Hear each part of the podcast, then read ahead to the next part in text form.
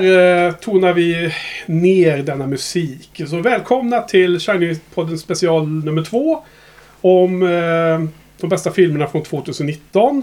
Med mig Henke och mina gäster här då för andra veckan i rad. Vi har Johan, välkommen. Hej. Karl Hallå, hallå. och Niklas. Hallå, hallå. Ja. Samma gäng som förra veckan. Och eh, vi ska börja med att dra en kort sammanfattning av vilka filmer från era listor som ni som har kommit med nu då. I och med att, vi ska sammanfatta igen. Förra veckan så var det mestadels filmer som bara fanns på en av våra listor. Och eh, vi avslutade förra veckan med tre filmer som fanns på två listor. Var det, alltså. så att det var där eh, Little Women eh, 1917 och The Irishman. Så den här avsnittet så kommer vi då eh, ha en drös med filmer som finns på flera listor var. Och vi kommer också ha allas topp tre oavsett. Då. Så Johan, vilka filmer var det som, som kom med från din lista redan förra veckan? Ja, det var Eddie Murphys comeback då, Dolomite is my name på nummer 10. Och sen eh, Scorseses gangster-epos The Irishman på 9. Och sen den härliga dokumentären Apollo 11, Mm, plats 4. ja. Och du, alla, alla andra dina filmer är kvar. Ja, Pratas det, om idag. ja. Ja. Eh, Kul. Carl? Ja, min tionde film var Mattias et Maxim och Xavier Dolan. Sen hade jag Jane Silent Bob Reboot av Kevin Smith. Us av Jordan Peele och även jag hade The Irishman. Mm. Niklas? Jag hade på plats 10 Little Women, plats 9 1917, plats 8 Ad Astra, plats 6 The Lighthouse. Ja. Och jag hade med hela sju filmer. Eh, så de flesta av mina filmer har redan pratats om. Och det var plats nummer 10, The Peanut Butter Falcon. Nummer 9, The Gentleman. Åttan, Little Women. Gemensamt med Niklas. Eh, sjuan, 1917. Också gemensam från Niklas lista. Plats nummer 6, Six Underground. Plats nummer 5, Alita Battle Angel. Och plats nummer 4, Knives Out. Så det var från förra veckan. Det kan ni eh, gå tillbaka och lyssna på för de som inte har hört det. Eh, vi ska också nämna lite att vi... Eh, självklart blir det vaga spoilers. Men vi ska försöka undvika att ge stora, avgörande, viktiga spoilers från filmerna. För de som inte har hört. Men, men det, det är svårt att hålla sig borta från det när man pratar om varför man gillar filmer. Så att det blir en eh, mellannivå av spoiler, spoilers. Får man räkna med här. För er info. Okej, så då ska vi dra vidare då.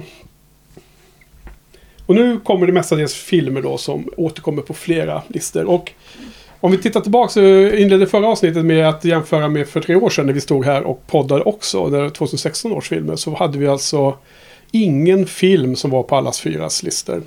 Och nu är det spänning spänningen att se om det, hur det blir i år. Och även då fördelningen på första placeringarna. Eller återkommande filmval eller så vidare. Och vi kan också fundera på, är det någon film som så att säga, vilken är det som får bäst medelbetyg, lägst, lägst siffra, lägst ranking. Blir på något sätt en, vår ackumulerade bästa film då, tänker jag mig. Där. Men det här kommer visa sig under kvällen nu då. Och det kommer vi presentera i slutet. Ja, Mm. jag kommer eh, noggrant gå igenom detta medan Ja, vi bra. presenterar dem eh, mer. Så att om ni saknar någon film här på vägen så får ni eh, bara rest easy. Det kommer senare. Vi kommer avsluta med den filmen som är rankad etta. Mm. Enligt det här matematiska sättet som jag nämnde. Men vi ska börja med då. Det är Niklas som ska presentera en film nu igen. Och det är Niklas film på fjärde plats och Karls på plats åtta. Så det är Niklas och Karl som ska prata mest om den här. Så Niklas. Ja, då är då eh, en film jag såg på Stockholm Filmfestival. En ljuv liten indiepärla kan man säga. Eh, som heter The Farewell. Ah. Eh, som då behandlar ett litet eh, känsligt ämne och också lite kulturkrockar. Där ehm, eh, skådespelerskan Aquafina spelar då en karaktär vars eh, farmor, tror jag det är, eh, har fått diagnosen cancer. Men farmor vet inte om det själv. Farmor bor då i Kina där det är lite andra eh, traditioner, eller vad man säger, än i USA. Och så åker de dit då och ska då försöka ja, låta bli att eh, avslöja vad som har hänt eh, eller vad som håller på att hända och eh, än- ändå tillbringa tid med den här eh, farmor. Mm. Och den var väl, ja, den var helt, om man säger så här, jag, jag själv tyckte ju att premissen var ju helt galen när man gick in i filmen så här med att självklart skulle man ju berätta en sån här sak. Men i slutet av filmen så är jag liksom inte riktigt lika säker längre. Så den, den har ju då påverkat mig på ett, eh, på ett sätt. Eh, vill du fylla i? Ja, Carl. Du hade den också med på din lista. Ja, precis. Ehm, jag håller med om att den eh, hanterar framförallt den där ehm, kulturkrocken väldigt, eh, väldigt väl.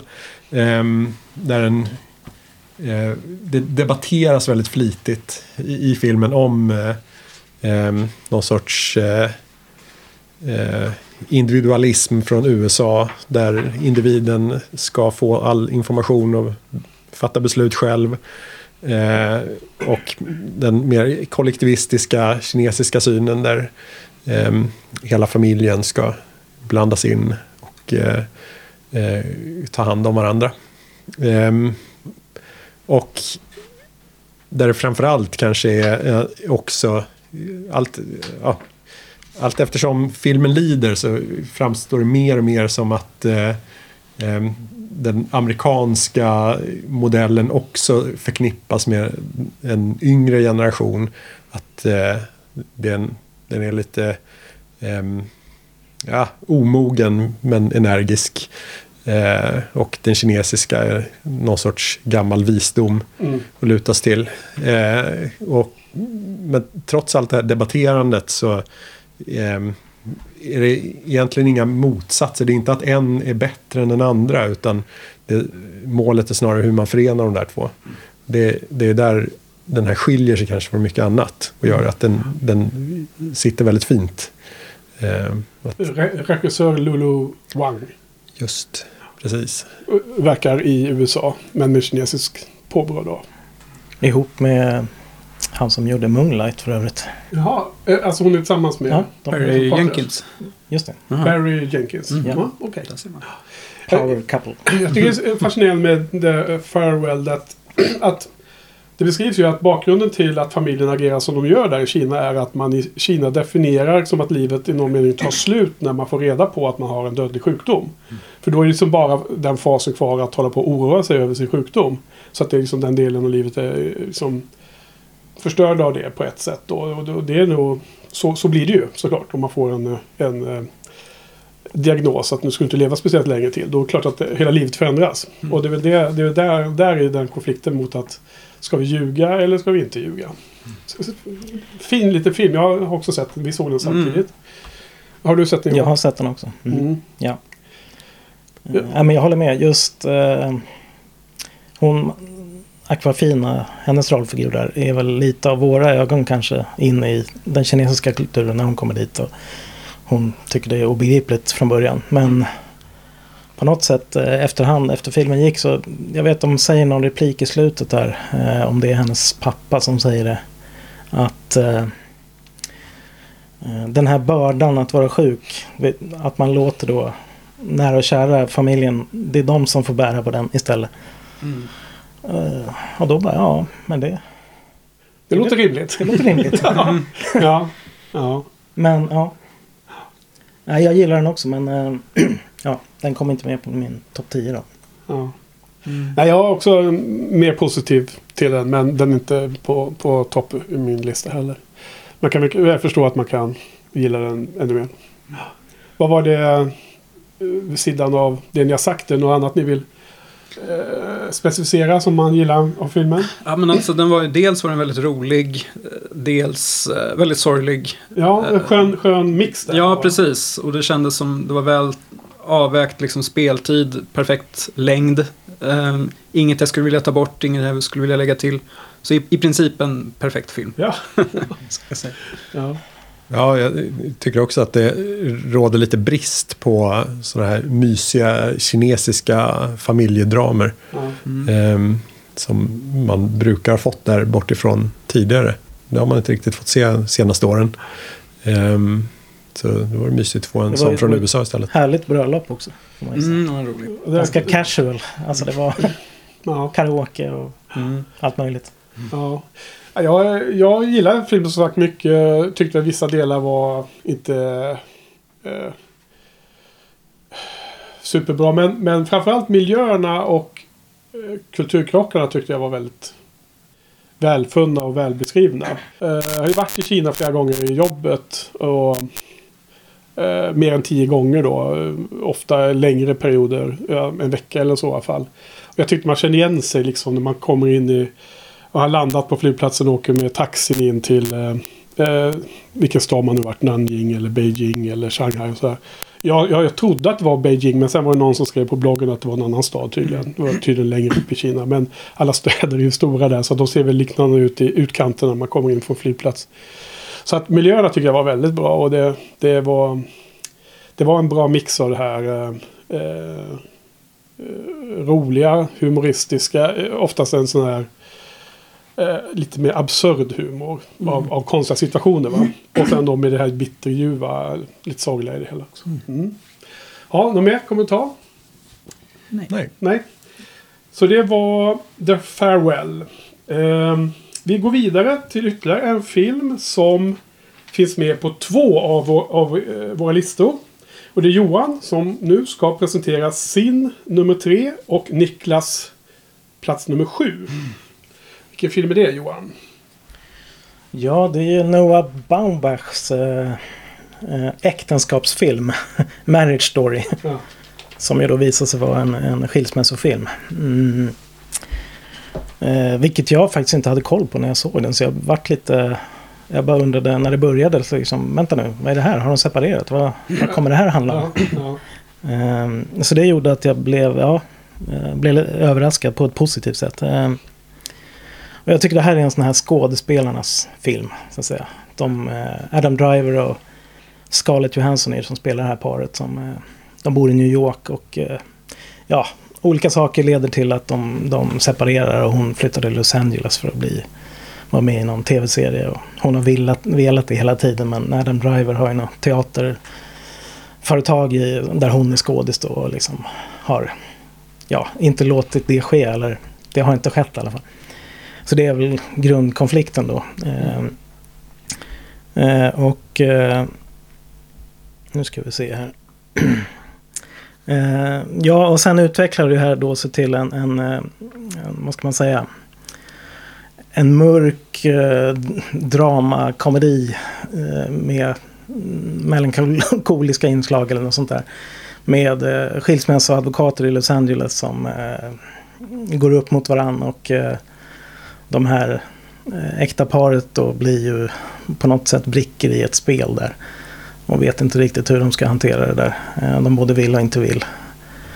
Eh, och det som jag fann roligt också det var ju att det var en hel del humor också, som, vilket var lite oväntat och att, att det funkade så att säga. Eh, det finns vissa sekvenser som var mm, både roliga och, och spännande på ett sorts nästan Hitchcock-vis. Jag vet inte om ni minns den här scenen när Adam Drivers rollfigur, Charlie han heter, han ska få de här skilsmässopapperna tilldelade sig. Eh, och eh, ja, hela den scenen var helt underbar. Eh, och sen mot slutet så får vi en sån här klassisk eh, grälsekvens. Som är helt underbar också. Jobbig. Jag har hört att den tog, jag tror den tog tre dagar att spela in.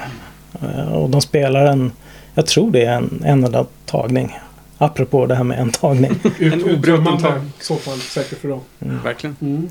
Eh, ja, och sen har vi i lite biroller som de här advokaterna har vi då eh, Laura Dern som jag nämnde tidigare eh, i förra avsnittet. Eh, att de vann en Oscar och det var inte för Little Women utan det var ju för den här bästa biroll. Eh, hon är underbar. Eh, och sen var det en helt oigenkännlig Ray Liotta var med också som en sån här advokat. Jag förstod inte vem det var först men eh, till slut så trillade polletten ner. Och sen spelar Alan Alda han, eh, en, en mänskligare advokat då som eh, han var fin. Men eh, det funkar ju liksom inte. Det funkar ju inte i den där världen. Ja. Eh, ja. Men jag Ja. lämnar över till Niklas. Ja, nej, men jag hå- håller med om allting. Ehm, och lite också det här som vi pratade om i The Farewell, den här blandningen av liksom det här bitterljuva. Att det finns ju något fint i, i allt det här. Och liksom slutet är ju ganska vackert. Slutet är underbart. Ehm, men eh, Och helt rätt på något sätt. Tycker jag. Ja, ja, jag tyckte det kändes helt rätt. Och jag har sett eh, om vissa scener i liksom en andra gång för mina favoritscener. För att det är så välspelat och det är, casten är otrolig som sagt. Eh, och Baumbach, eh, jag har haft lite så här upp och ner eh, med honom. Men jag tycker han har blivit jättebra på senare år. Jag tycker att, visst är det han som har gjort den här While We're Young? Japp. Mm. Ju äldre jag blir desto mer igenkänning i hans filmer. Ja. Jag vet inte hur gammal han är men det känns som att han, ja. Mycket där som jag tycker är träffsäkert och roligt. Men det här är ju hans klart bästa film. ja, det är hans bästa. Uh, The Squid and the Whale är jag förtjust i också. Mm. Båda dessa som du nämner nu också är ju självbiografiska. Squid and the Whale om hans föräldrars eh, eh, skilsmässa och den här om hans eget uppbrott ifrån, vad heter hon nu då? Eh, Jennifer Jason Leigh va? Mm. Just det, skådespelerskan. Mm. Ja. Mm, har, du, har, du, har du sett filmen Carl? Absolut. Tycker du? Eh, jag håller ju absolut inte med om att den är välspelad. Eh, Oj. ja, nej. Eh, Inte av någon eller? jo, alltså Laura Dern och Ray Liotta och Alan Alda är sköna som sina slämmiga figurer. Men eh, eh, Alder var inte slemmig. eh, och på sitt sätt. Okej. Men eh, ehm, Adam Driver och Scarlett Johansson är jag inte riktigt såld på. Du tror inte på dem som par eller? Mm, Eller då? nej, det gör jag, skilda par? nej, det gör jag inte. Och eh, jag tycker inte de har någon, eh, några nyanser i skådespeleriet. De är lite som eh, ehm, Alicia Vikander och Ingrid Bergman och sån där som spelar en känsla i taget stenhårt. Eh, hyfsat väl kanske, men aldrig några eh, lager i, eh, i spelet. Ingen Eh, Cordelia där inte. Precis. Eh, så det- det skadar lite kanske att jag eh, hade sett, eh, vad heter den, Under the Shadows kanske? Eh, iranska skräckfilmen precis innan. Under the Som- Shadow. Mm. Mm, Under Shadow. Ja, ehm, som är väldigt välspelad istället. Men, men jag, jag gillar eh, ändå att Marriage Story existerar. Den leder till väldigt, väldigt många intressanta diskussioner. För folk tolkar den så himla olika. Ja. Vem, Vem- vem? framstår som eh, Mm. värsta skurken? I, så, eh, Menar du, eh, ja, ja, eh, mellan eh, Vems sida är filmen? Adam Driver och Scarlett Johansson eller ja, precis. ja, framförallt mellan dem, inte, Ja. inte advokaterna. Nej, de är de skurkar. Det det är- Det är intressant. Vad, vad tycker du då, Carl? Är det någon som är, framstår som mer eller, mer eller mindre? Eller är de lika goda kålsupare båda som man säger? Jag har en i alla fall. Eh, ja, eh, största problemet med att faktiskt se den är att jag tyckte att de var så genomruttna båda två. Ja. Eh, men i olika stadier kanske och på olika sätt. Eh, så ja, nej. Jag, det känns som att han försöker eh, framställa det balanserat men egentligen tycker han ju att hon var en riktig, riktig eh, svikare. Mm. Ehm, Regissören tycker det. Du, du då Niklas? Vilken tycker Nej, du jag, är... ja, jag är ju på Adam Drivers sida. Jag hejar ju på honom Ja. hela um, filmen. Även fast um, jag vet ju att han har gjort dåliga grejer. Han har varit en douche. Uh, men det känns som att det vi får se så är han den som försöker få det att funka. Re- regissörens alter ego? Ja, Du då Johan? Vem hejar du på? Ja, jag hejar nog på Adam Driver. Men alltså, samtidigt så störde jag mig på att filmen ganska tydligt framställer det som att vi ska vara på hans sida. Ja. Speciellt i slutet. När, när liksom allt är klart så är liksom Scarlett Johansson är på något eh, jättekul party och skrattar och är glad och sjunger. Mm. Medan Adam Driver deppar och sitter ensam i Ja. sin lägenhet. Det är Valet av vilka scener i deras Ja, och det är liksom det är han. Det är han ja, och det vart lite för övertydligt Mm. för mig då. Alltså, även om det avslutas ju med en väldigt fin sång där av Adam Driver. Ja, som jag gillar. ja, ja. Som, inte, som liksom fortsatte. De har varsin sånginsats i filmen. ja. Men be- betyder inte det att filmen är på hennes sida? Att hon, eh, hon eh, hittade ehm, sin glädje? Och han Men sitter det- kvar som en loser. De, men de knyter ihop det lite på slutet där med slutscenen tycker jag. Där, eh, knyter ihop det. eh, ja, Ja, alltså jag, jag tycker att eh, jag tycker det känns som att eh, hon...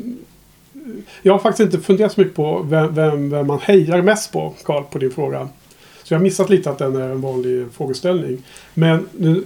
eh, det kanske inte är Direkt just vem man hejar på utan, utan vilken som filmen hejar på. ja. Ja. Man kan ju välja att se det som vilket som. Då. Man, man ser filmen och så tar man emot den. Då är det vad man själv tycker inuti. Det är också en del av... Ja. Man konsumerar konst genom att. Att, att titta på den. Men jag, jag tycker att hon är den som har rätt. Sen så tycker jag att båda... Eh, att det är ganska balanserat. Eh, men jag kan sympatisera med Adam Drivers karaktär. I den som känslan han har av att han förlorar något som han tyckte var bra. Men det är ju hon som har rätt tycker jag. Ja. Eh, jag har ju också sett den. Vi skulle ha sett den samtidigt Johan, du och jag, på filmfestivalen. Mm. Men av olika skäl så blev det inte så för mig. Och det kanske var synd att jag inte såg den på bio. Eh, jag har, har ju sett den men... eh, men jag, alltså igen så har jag all respekt för den här eh, filmen. Och den är väldigt bra gjord. Jag tycker skådespeleriet är bra och den är väldigt uh, intensiv. Men jag blev bara ledsen när jag såg den. Jag blev bara beklämd. Jag blev bara bedrövad av hur eländigt, hur vardagsbänkigt eländigt det kan bli när man bryter upp på det sättet. Och speciellt med ett barn emellan och så här.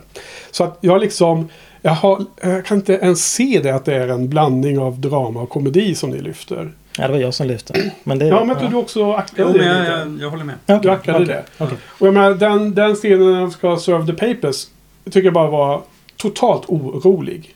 Totalt inte rolig överhuvudtaget. Nej, Ehm, så att... eh, jag tyckte de var oorolig. Ja, jag, jag, jag känner att den är bra film och så, men eh, den, är, eh, den är för blik i mina ögon för att eh, komma upp på en topp 10-lista. Alltså. Inte ens det här bitterljuva slu, fina slutet. Nej, det var redan, för, det var redan long gone då som jag hade...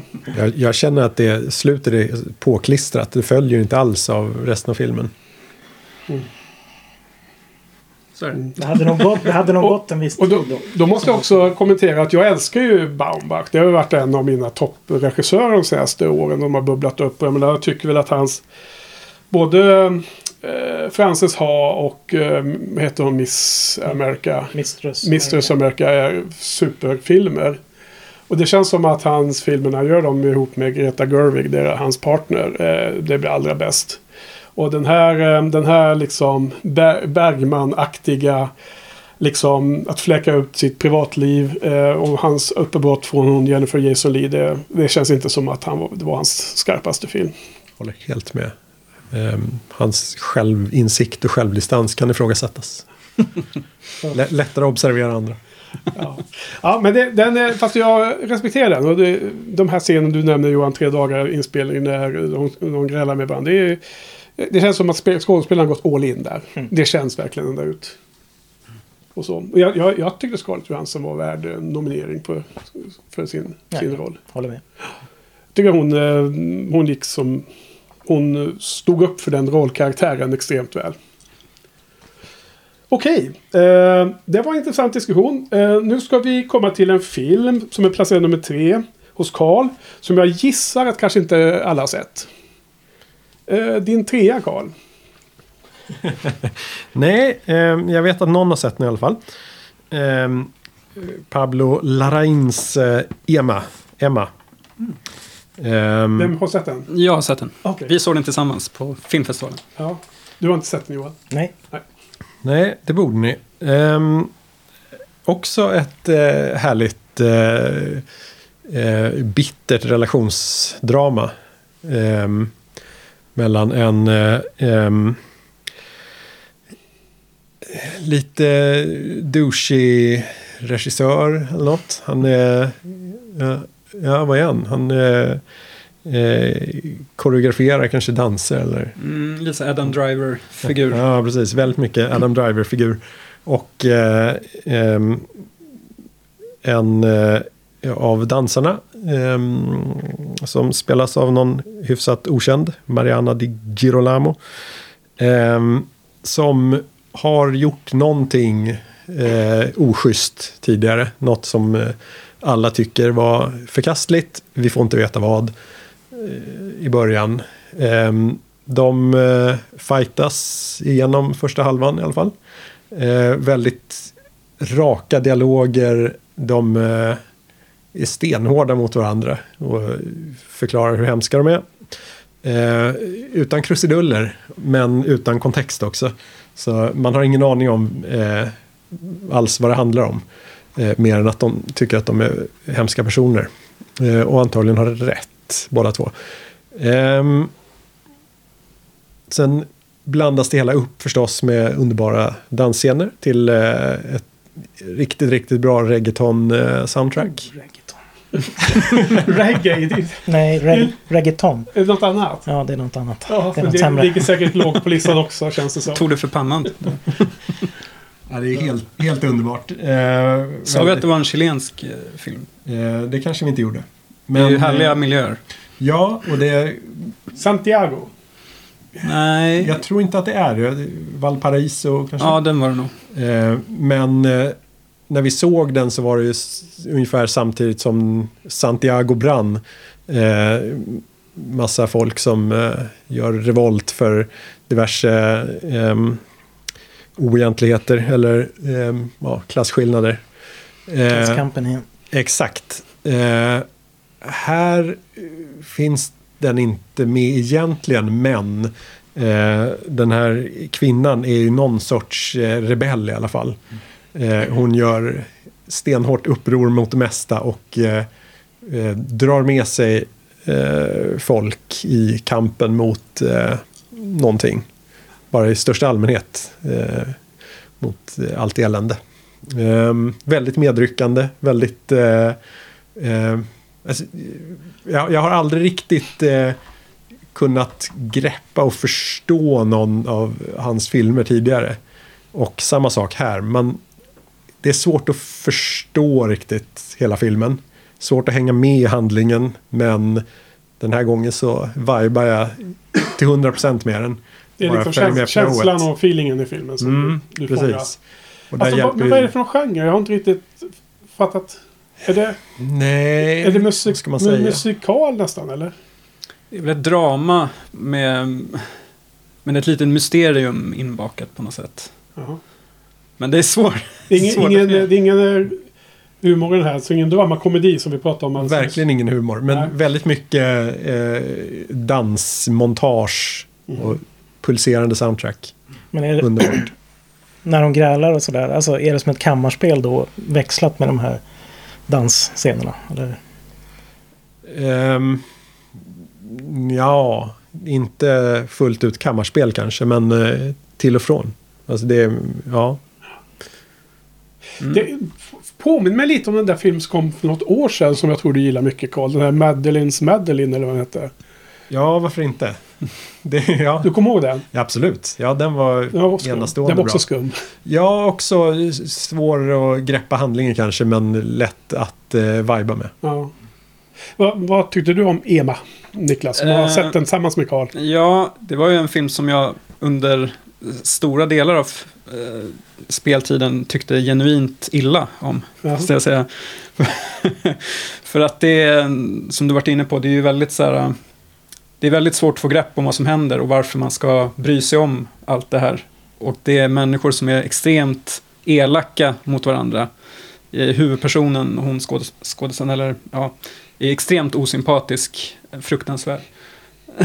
Men på något sätt så knyter de ihop det snyggt. Mhm. Och det lyfter hela filmen Mm. i slutändan. Och man går och har den kvar eh, med en efteråt. Mm. Jag tror Carl sa något eh, ganska träffande efteråt att så här, det är ju, det är, man föredrar ju att eh, hela tiden ligga steget efter en film än att ligga steget före och veta vad som ska hända. Ja, Att man försöker hela tiden få grepp om det. absolut. Ja. Mm. Så den, då blir den liksom aldrig förutsägbar eller Nej. ointressant. Så kontexten kommer ikapp er.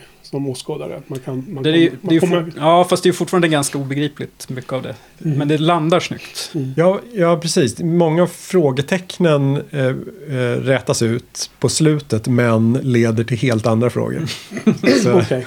Precis. det, det Ja. bara rör till ännu mer. Så, eh, mysterium i mysteriet. ja, härligt. Vad säger du Johan? Blir du sugen? Ja, det var det där med musiken då som... Vi, vi, vilken musik är det? Berätta. Alltså reggaeton är väl någon sorts... Är det någon sorts dance Dancehall. hall? Ja, och vad är det för något då? Ja, det vet jag inte. Men är det modern musik eller gammeldags? Eller? Ja, mycket rytmisk. Ja, jag vet inte om det är som calypso-liknande. Rytmer. Eh, och det är lite för eh, hetsigt och snabbt för mig. Mm. Jag gillar ju baktakten i reggae. Det här kanske är baktakt fast snabbt. Jag vet faktiskt inte riktigt. Ja, Jag, jag får dåliga vibbar av ordet. ja, jag, jag, eh, jag tycker att den är skön just för att det är samma långsamma eh, baktakt ändå. Fast lite mer Mm. rytmiskt. Men eh, musiken har en stor del i det hela verkar det som. Verkligen. Mm. Gillar man inte musiken så är det kört. Ja, okej. Mm. Den har ju jämförts lite med Gaspar Noés Climax. Just det. Mm. Gillar man det så kanske det här kan vara någonting. Mm. Tyvärr för korta dansmontage Ja, jämfört med eh, Det, Climax. det första danssekvensen i Climax är ju helt underbar. Mm. Jag har inte sett den räcka. Nej. Ja, okej. Klar med Emma. Yes, Är det... se den. Vad är... Ja, precis. Alla lyssnarna ser den. Är det ett, namn eller en förkortning eller något på spanska eller vad är det? Det är hennes namn va? Okej. För mig. Okej, då kommer vi vidare. Vi har ju som ni redan märkt nu kommit in på plats tre hos oss. Och nu kommer vi till min nummer tre. Som jag är ensam om att ha på listan. Men jag vill ju att topp tre filmer, precis som du var ensam om Emma Karl, så vill ju topp tre filmerna ska vara med här på andra podden. Mm. Det här var ju då den eh, klart bästa filmen på filmfestivalen tycker jag. Och eh, nu har vi kommit in på mina tre riktigt eh, solida val som jag verkligen står för. fullt ut. Men jag står för alla, alla val. Mm. Men det här är ju Jojo Rabbit. Mm. Som jag tycker var så fantastiskt bra. Taika Waititis eh, eh, film om eh, eh, han den lilla pojken där i, i Tyskland i slutet på andra världskriget. Så det är en stor mischmasch och blandning av genrer. Och jag tycker det är otroligt bra gjort. Ehm, jag tycker att, att eh, för det är ju en satir med humor, eller kom komedisatir. Som sen eh, inslag av absurdism. Som sen eh, på en femöring byter genre till ett väldigt sorgligt drama kan man nästan säga mot slutet. Och att hantera hemskheter med satir och med humor är, tycker jag, lysande sätt att agera. Liksom. Det är, jag står bakom det om man säger så. Jag har liksom inget problem med att, att eh, en film är satirisk över nazisterna. Det, det, det, är, det är inte som att den hyllar nazisterna. Jag, jag har inte riktigt förstått den här backlashen mot filmen som där folk liksom tycker att det är felaktigt att göra en film som utspelar sig i den här eran. Liksom. Det är lite oklart vad man egentligen är, är irriterad på. Jag kan inte ens förstå det faktiskt. Jag vet inte om någon av er Kanske jag kan säga så. Ja, kan vi komma till det sen. Möjligt att det är någonting man har missat. Men... Eh, men det också att den var så sorglig i slutet som, som gjorde att den eh, sjönk in. Och den blev väldigt mycket mer mänsklig än en... Den började nästan som i en Wes Anderson-miljö, liksom. Mm. Värld. Ja. Och allting är lite uppskruvat. Stiliserat väldigt. Ja, stiliserat och liksom icke-verkligt då. Men bara en sån sak som att den lilla pojken har en låtsaskompis som är Hitler och så vidare. Va? Men sen så fokuserar ju filmen på mamman som spelas av Scarlett Johansson. Och här tycker jag ju hon, det är hennes bästa insats i år. Eh, kanske. En av de bättre. bättre än i Marriage Story. I varje fall. Fokuserar på hennes eh, jättefina röda dansskor väldigt mycket. Så jag börjar tänka, har, har Waititi en sån där fotfetisch precis som Quentin Tarantino har? Men sen är det en scen som eh, skorna är med som då... Eh, ja, jag kan inte prata kanske om det för då spoilar vi. Men det, det, det, det är då filmen svänger sen på en femöring. Så det är väldigt bra allting. Eh, vad mer? Sam Rockwell är suverän. Steven Merchant. Suverän. Heil Hitler. Och eh, Vai- Waititi själv är ju bra som Hitler. Huvudpersonen är ju bra. Eh, även om jag tycker om hans kompis då som spelas av Archie Yates är nästan ännu bättre. Med sin brittiska dialekt där på tal om det. Ja. Så att det är min trea. Jojo Rabbit. Ja. Säg. Vad tycker ni?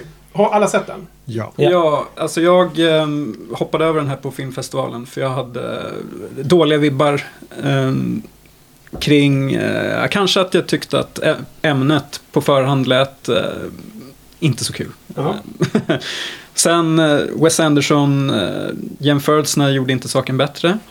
Eh, och ehm, ja, men jag måste säga att jag blev väldigt positivt överraskad av filmen. Eh, också det här att eh, Waititi själv spelar Hitler då. Eh, de scenerna i trailern tyckte jag inte såg så roliga ut. Men jag tyckte ändå att han användes gans, ganska sparsmakat. De har ju ett rikt persongalleri där. Många roliga bikaraktärer som är, eh, ja, lyfter ju filmen. Det hade kunnat bli ett magplask. Eh, men jag tyckte den var så pass rolig och eh, blev väldigt berörd också. Och barnskådisarna är ju riktiga fynd allihopa. Så den var eh, klockren. Mm. Eller bubblare kanske? Det var det. Mm. Ja, för ingen av er fick ju med den. Du då Carl? Ja, precis. Eh, ja, helt okej eh, komedi. Ehm, jag tycker allt det roliga är riktigt, riktigt roligt. Eh, som sagt, väldigt bra castat eh, i alla roliga roller. Men det som inte är roligt, det sabbar fullständigt eh, stämningen. Det, det så det- dramabiten i slutet, eller? Ja, precis. Mm. Hade hellre sett att man eh, höll eh, eh, den komiska tonen rakt igenom. Ja, eh, precis. Jag menar, jag vet inte hur mycket vi ska gå in på detaljer om eh, vad som händer i filmen. Men det är folk eh, har, om de inte har sett den. Men personligen så tror jag att det hade kunnat varit funkat också okej, bra. Haft en satir rakt igenom. Men jag tycker ändå att den blev mer unik genom att ha den här switchen mitt i. För mig adderade det bra mycket. Det är liksom jacka upp det ett steg. Men det är tyck och smak. Mm, ja, ja. Det, Men var det liksom... det, blir, eh, den- det den- blir svårt att hitta tillbaka till eh, det roliga efter att eh, Det blir sorgligt. Thomasin McKenzie dyker Ja. upp. Ja, Hon är inte någon eh, eh, komiker nej. direkt.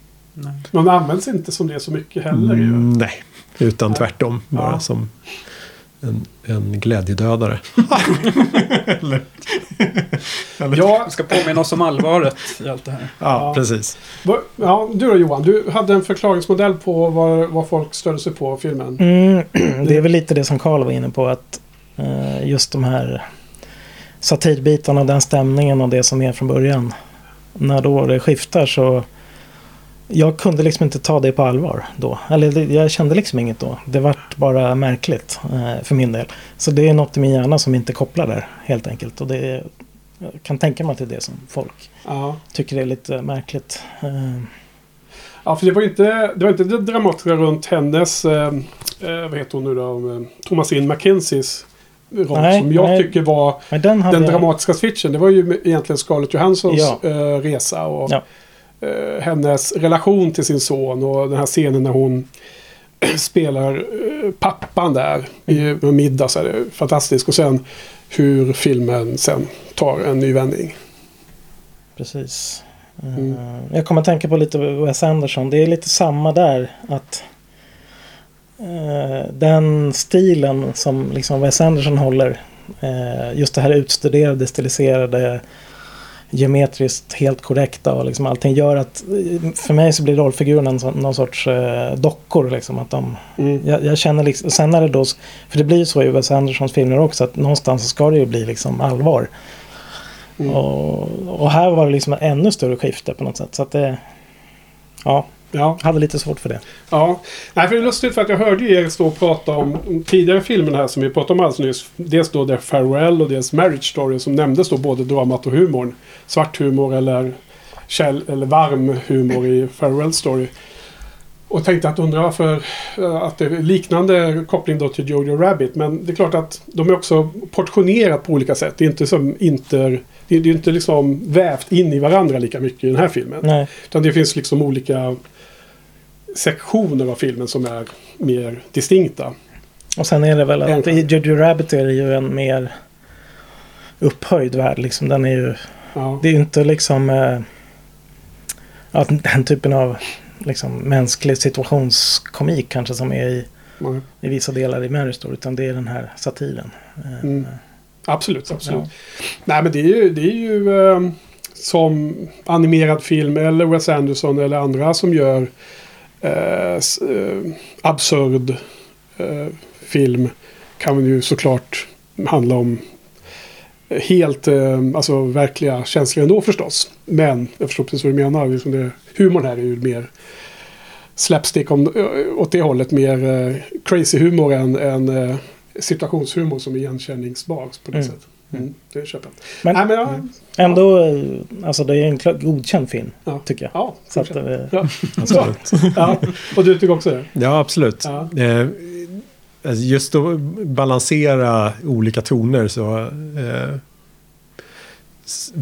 stora svängningar i ton eh, är ju alltid svårt. När det lyckas så eh, blir det jättebra. Men misslyckas det så blir det ganska dåligt. Ja. Och då menar jag inte från filmskaparnas sida utan hur det landar hos individuella tittare. Ja, det är, Ja. ja, det det la- landade fantastiskt hos mig. Och det var ju också en jätteskön visning där på filmfestivalen. Tyckte jag. Jag vet inte vilka... Vi såg, såg vi den ihop igen? eller? Japp, och jag förstod nej, ingenting när folk... Alltså jag... Det, folk satt och skrattade. Bara, ho, liksom, bara frustrade av, av skratt. Jag, jag förstod liksom inte heller det. Så att, jag vet inte, jag vill inte... Taika Waititi och jag går inte helt överens. Mm. Som Sofia brukar säga när hon inte gillar någon regissör. Var det en av visningarna med någon eh, snubbe i närheten som skrattar på helt... Det var väl Ja, det- Knives egna Out. Det var Knives Out. Ja, Okej. Ja. Ja, Det var du. Du satt, var väl tyst i Nice Out? jo. Det, Du skrattade inte alls. Så en famös skrattare som, som Ja. vill ta över. Ja. det är Ja. jobbigt. Okej. eh, ja, men det var det. Så nu har vi kommit fram till topp två filmerna Vi börjar närma oss. Och nästa film ska uh, Johan få presentera snart. Och det är hans uh, nummer två. Och han är den enda som har den här, så han är ensam på den. Men vi ska presentera det för lyssnarna med lite musik. Sen ska Johan presentera sin nummer två. Trevligt.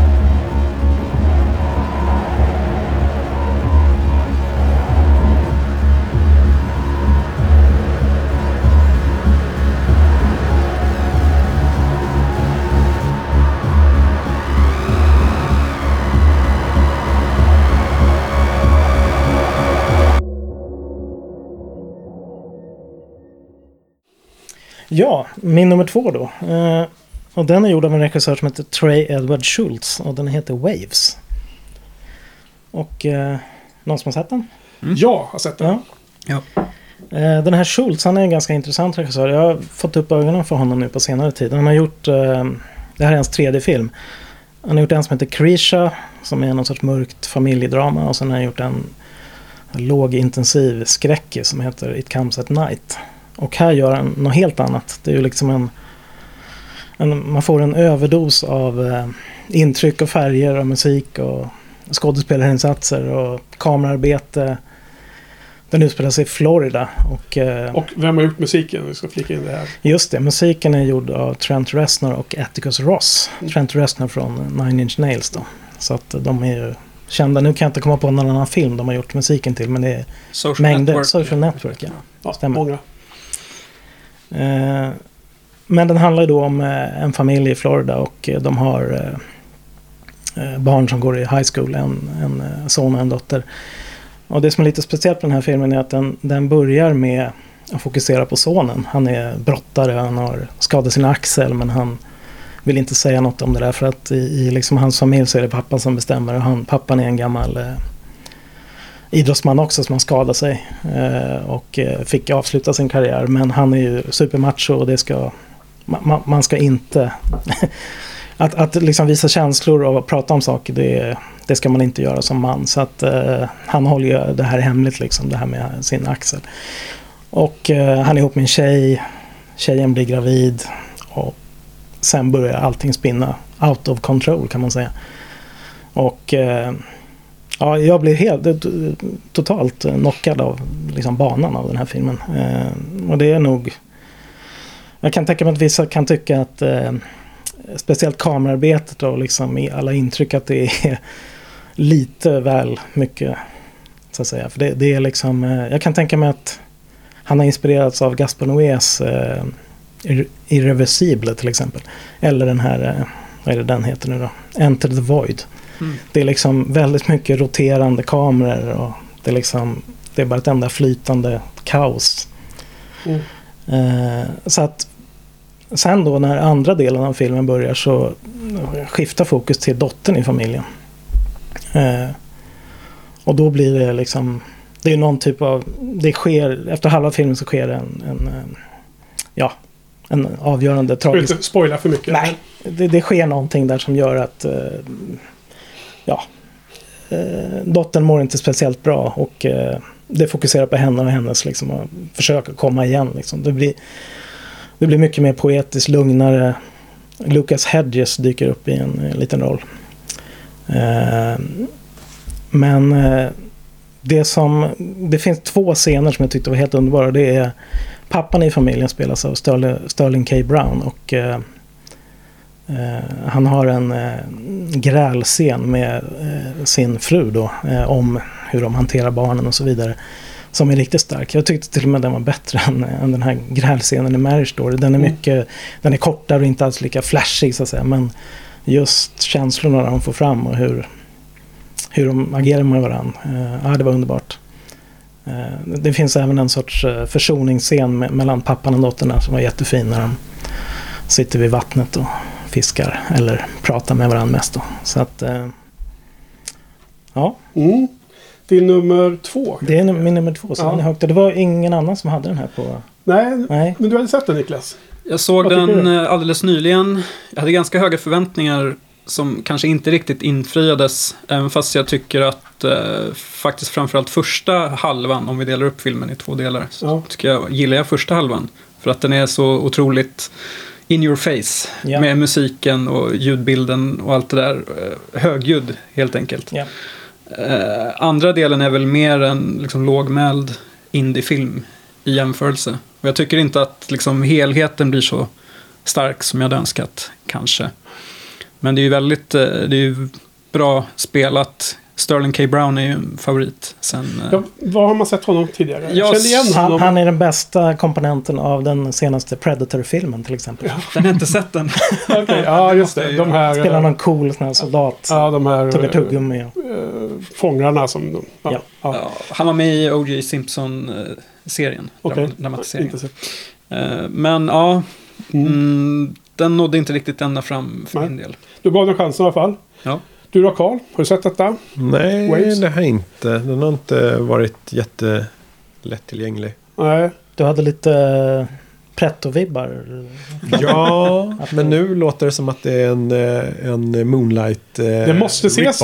Ja, det... ja. Jaha, okej. Okay. Var det bättre eller sämre? ja, Moonlight var ju väldigt bra. Men ja. nej, faktum är att jag, jag köpte in på din eh, pretto-vib där. Jag kände också att jag var tveksam så att jag valde bort den på filmdagarna faktiskt. Men såg den i efterhand då för att jag kände då att den... Jag hörde något om den och bara helt plötsligt kom jag på att jag vill se den. Och jag tyckte också att den inte riktigt höll upp eh, som helhet eftersom de två halvorna är så pass annorlunda. För att det var ju så jäkla jobbigt första halvan. Sen blev den ju jättebra andra halvan. Jag tycker tvärtom. Du tycker tvärtom. Ja, det är intressant. Ja, jag tycker båda är bra och ja. kompletterar varandra perfekt. Karl kommer tycka alltså, inget är bra. Första halvan är ju in your face och det här jobbiga klippandet är ju jobbigt tycker jag. Det är som inte... Det hade ju inte funkat som en hel film. Det hade blivit för utmattande. Och sen är det liksom... Det funkar eh, det, det, andra filmer som kommer här. ja, eh. Ja. det det handlar om i första halvan är också ganska ointressant. Ganska o, eh, ospännande ämne för mig. Medan jag tycker att eh, konsekvenserna av första halvan som behandlas i andra halvan är jättespännande. Och att det också är mycket mer poetiskt som du nämnde. Eh, med en bra beskrivning. Men det är också mycket lugnare om man säger rent eh, tempomässigt och klippmässigt och så. Ehm, och jag tycker att den blir bara starkare och starkare. En film som hängde sig kvar och växte lite efter titeln. Men jag gillade inte första halvan tillräckligt mycket för att den hade aldrig, det var aldrig i närheten av topp 10 om man säger så. Mm. Helheten. Den... eh, eh, vad heter det? Jag tyckte hon som spelar dottern där. Hon är ju någon slags huvudperson kanske i någon mening. Taylor Russell var väldigt, väldigt bra. Um, ska säga. Och... ehm, det var lustigt nog att du nämnde liknelsen med Moonlight. För det finns en sån scen där de två, två personer badar i havet. Och det är liksom lite halvmörkt och lite blå, blått sken. Precis som i Moonlight. Och jag bara kände direkt att det här är ju scenen från Moonlight. Liksom. Och vi, vi, vi pratade om det någon gång på lunchen, du och Johan. Att det är som att Moonlight nu äger den typen av scen för all framtid. Liksom. Det, ingen kommer gå ut och bada när man står med vatten upp till bröstet och du vet man ligger och, Ja. och liksom har kroppsberöring och flyter eller omfamnas eller vad man och, än och, gör. och kameran går liksom upp och ner ur vattnet. Ja, i- i- vid vatten- vattennivå. Nivån ja. Precis. Men jag tänkte att det var en hommage till Moonlight. ja det, det kan ju mycket väl ha varit. Men att just att man direkt tänker på Moonlight. Rip-off. Ja, eller vad det nu än är. Så, så är det så tydligt liksom. Det är lustigt att det så snabbt har satt sig. Ja. Nej men så, den var, den var okej. Den var, den var bra. Mycket bra. Ja, mycket Ja. bra. Ja, den, den, den var så... ja. Grejen är att jag, kan, ibland är det sådär att när man... eh, Jag såg den filmen för inte så länge sedan. Så att det är som att den, den gjorde liksom ett chockintryck och det sitter kvar fortfarande. Om jag hade sett den i, i augusti så kanske Ja. den hade liksom bleknat. Men nu är det som... ja. Det, det sitter kvar liksom. Ja, det, det här var ingenting som jag egentligen störde mig på under visningen. Men, och som jag inte heller tycker har någon jättestor negativ impact. Men det är ju så här superpretto att de har ju använt då filmformatet för att beskriva den em- emotionella resan från början till slut. Sen börjar i extrem wide. Och sen i mitten av filmen. Och sen så går den så hela tiden blir eh, trängre och trängre. Och i mitten så är det 4 kolon 3. Och sen Ja. blir den bredare och bredare under hela filmen. Ja. Och slutar i wide. Underbart. Ja, det är sådär. Det känns som lite pretto-varning på det va? Är det inte det egentligen? Eller? Jo. Bra pretto. Ja. Som i The Lighthouse. Ja. Ja. Ja. men, det- ja, där är det ju alltid 1 kolon 1 nästan. Eller vad är det? 1 kolon 1,05 eller vad det kan vara. 1 kolon 1,19 tror jag det är. Det är så, så pass mycket. Så pass brett. Så. Okej, nej men det var nummer två, Waze. Väldigt bra val. Jättebra. Och ehm, Uh, nu tror jag att det var den sista filmen som bara finns på en lista. Så nu har vi några filmer kvar.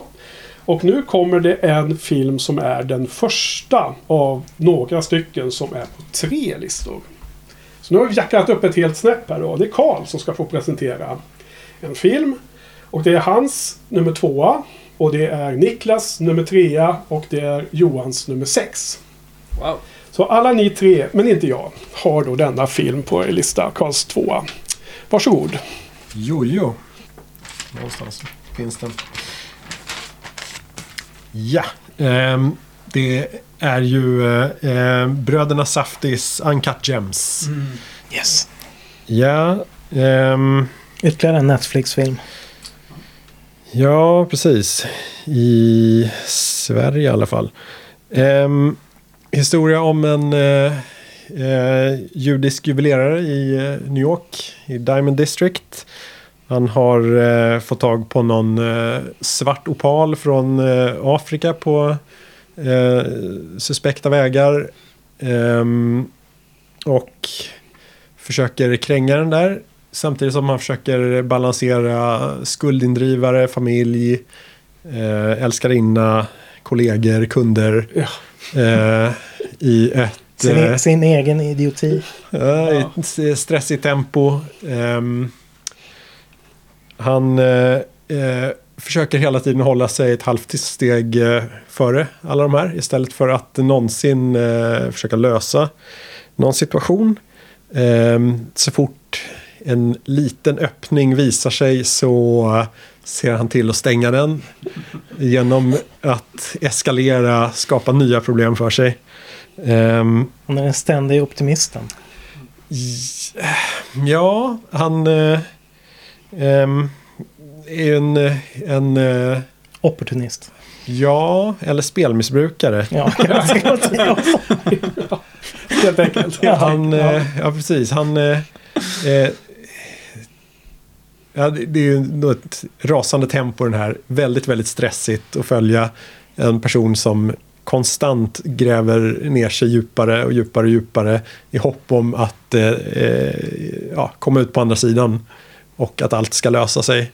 Eh, den är gjord med eh, eh, överdimensionerat bakgrundsljud eh, och musik som överröstar dialogen.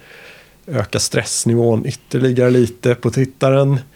Ehm, Adam Sandler är ju lysande i, eh, i eh, huvudrollen. Eh, har lite ehm, Al Pacino ehm, känsla över sig. Eh, Ja, Han är lite skrikig. Tidig Pacino, ja. En, en tidig Pacino med en eh, sen Pacinos eh, eh, röstnivå. Och kroppshydda. Kanske det också. Ehm, ja, det, det är fascinerande en sån här film där huvudpersonen då inte drivs av att eh, ehm, få in, att komma ur sin knipa. Eller att eh, skrapa ihop tillräckligt med pengar för att försörja familjen eller någonting. Mm. Utan enda drivkraften han har är att vinna. Nästa lilla satsning ska, ska han bara vinna. Ja. Ehm, Men är det... Är det eh, gillar du det så mycket på grund av att det är ovanligt eller är det något annat i det hela som du eh, synkar med? ehm, Så bara att det är badass eller vad? jag, jag, eh, dels hela berättarstilen, eh, tempot i den är väldigt, väldigt härligt. Eh, de eh, hade ju något liknande i deras förra film Good Time. Eh, också med en, eh, en huvudperson som skapade mer problem än han löste. Eh, då i jakt på något som absolut inte var ett... Eh, som, som framstod som ett nobelt syfte men kanske inte var det. Mm. Ehm, men eh, som man har, kanske har sett i ett väldigt genomgående tema i, bland mina favoritfilmer här är ju att eh, jag gillar eh, hur personer som skapar sig problem som inte uppenbart är älskvärda men eh, ehm, där man någonstans får eh, ja, hitta, hitta något hos dem. Eh, att, eh, Ja, han, är- han är ju en, en tragisk figur. ja. Men man kan ha sympatier. Ja, ja, det är en utmaning att ha sympatier för en person som, är, som skapar alla sina problem själv. Själv-. Eh, men ja, Ja.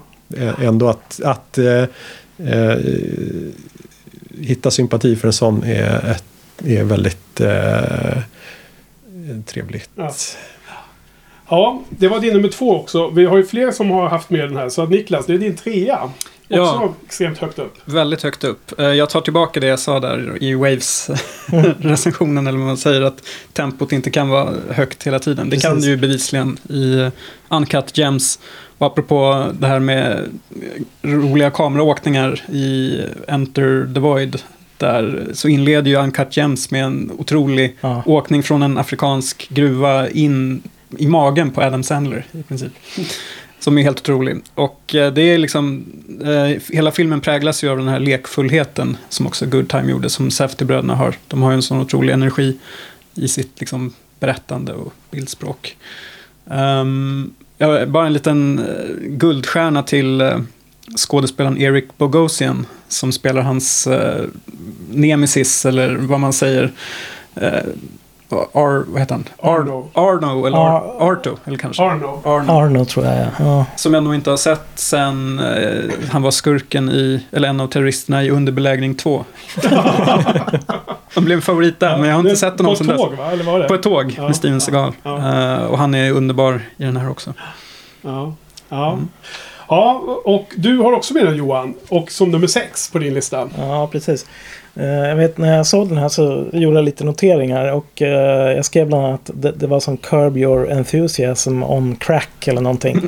Och det är ju faktiskt, det är liksom en person som, han är lite så det gillar, han sätter sig själv i situationer på grund av sig själv så att säga. Och han försöker ta sig ur dem och det blir mer och mer desperat så att säga. Han försöker bolla flera saker samtidigt och skiter sig. Och, eh, och ja, jag gillar ju simma lugnt lär dig då så att eh, så den här liksom Bröderna Saftis eh, variant av det här den stilen det gick ju verkligen hem. Så att, eh, Mm. och sista, vad är det, sista kvarten när hans stora spel ska liksom gå i uppfyllelse eller inte var ju helt underbart. Mm. Hela det upplägget var ju fantastiskt. Så att, ja. Och sen slutar vi på topp kan man säga. Ja. För vår Ja. hjälte. Vad heter det? Jag har ju också sett den här filmen. eh, Jag tycker att... Jag tycker att... eh, Till skillnad från... Alltså den den har det höga tempot i början. Liknelsen med Waves är ju slående där. Eh, och Jag tycker också att... eh, Så här, jag, jag tycker den här filmen är ganska bra. Men det var ju inte nära topp 10 för mig. Men, eh, men jag tycker att... Jag tycker att tempot i sig är inte det som är eh, dåligt. Eh, jag tycker inte det är faktum att han är helt stenkorkad. Det brukar jag eh, tycka är mindre intressant att se. Men här är det mer som en karaktärsstudie. Så det är, det är som okej, det är fine. Jag tycker framförallt att filmens andra halva blir mer... Eh, det finns en handling där då. Alltså, om man... Inte bara det snabba klippet och intensiteten, den går igenom hela filmen. Men den går ner lite och sen blir det mer tydligt vad, vad som han egentligen vill göra och vad han tänker sig. Vad, vad som kommer ske och sådär. Och då blir det liksom mer gripande för mig. Då blir det mer, så jag håller med, slutet av filmen är ju exceptionellt bra.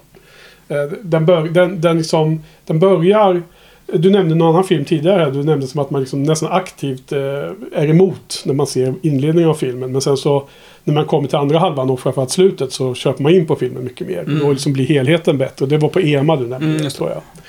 För jag, så, jag kände i början var bara, nej men det här är ingenting för mig. Det, början, det påminner lite om den här som vi såg på Stockholm Filmdag. Den här Give Me Liberty hette den va? ja, Av men de här- den, den ogillar jag Jo, hela filmen. men det är lite samma upplägg med... Ja.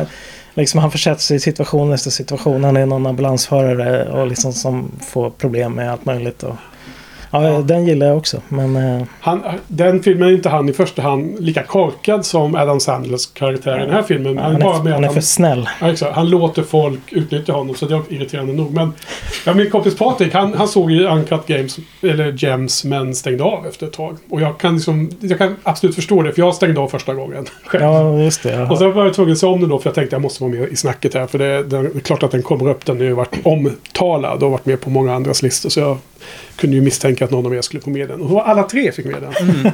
Den första filmen ikväll som tre med. Och jag var den uh, urslingen som förstörde Fyrklövern. Men jag tror att eh, mm, det där med, med slutet, att man hakar på där, tror jag bara är att den är så pass väl berättad för att man lunkas in i eh, att eh, liksom fastna i hans, eh, Värld. ja, i hans värld och, Ja. verkligen se till att det, kommer nog, det, det går mot ett filmslut Mm. där om han bara lyckas så Ja. löser det sig. Ja. Eh, vilket är hans livsstil ö, hela tiden. Man, man, synkar in på hans sätt att tänka. Ja, precis. Ja. Och eh, ja, Mm. där man vet Mm. utifrån att så är det ju inte. Mm. Och eh, frå frågan är ju om det, det, det kan ju mycket väl finnas eh, någon eh, sorts eh, analogi här. Kanske, eh, eller ja, eh, om eh, amerikanska kapitalismen överhuvudtaget. Att man eh, lever så istället för ha några högre syften än att sträva efter en kortsiktig vinst. Ja, det är mycket möjligt. Det är klart att det kan finnas den, den tolkningen. Jag tycker, det- jag tycker det var lite fascinerande. Vad jag satt och funderade på, vilket kanske också förklaras av att jag inte var lika eh, kanske investerad i hans liv som ni verkar ha varit hela vägen. Men jag satt och funderade på att han, han levde ett väldigt dyrt liv. Han hade ju väldigt mycket höga kostnader. Alltså han hade ju flera, en, läge, en extra lägenhet i stan som var svinstor i, på Manhattan. Han hade ju något stort hus med familjen och hans bilar och hans eh, klocka som var värd 200 000 dollar eller vad det var. Så, så att det var liksom, tala om en, en person som har höga livs, levnadskostnader och måste hålla det vid liv liksom. Ja. Ja, nej, men det var en kul film. Något mer addera? Johan, Niklas? Nej. Okej, då ska vi gå vidare här. Och då inser jag snabbt att jag ljög förut. För nu har vi ytterligare en film som, eh, som bara finns på en lista. Eh, men vi har nu också... Ja, och det är då den första ettan faktiskt som ska presenteras. Och det ska Johan få presentera sin etta. Ja, men ingen annan. Och eh, ingen annan har med den Johan. Vi ska faktiskt få ett musiknummer igen här. Ja. Så din film ska presenteras av en liten musiksnutt här och sen ska du få presentera din etta.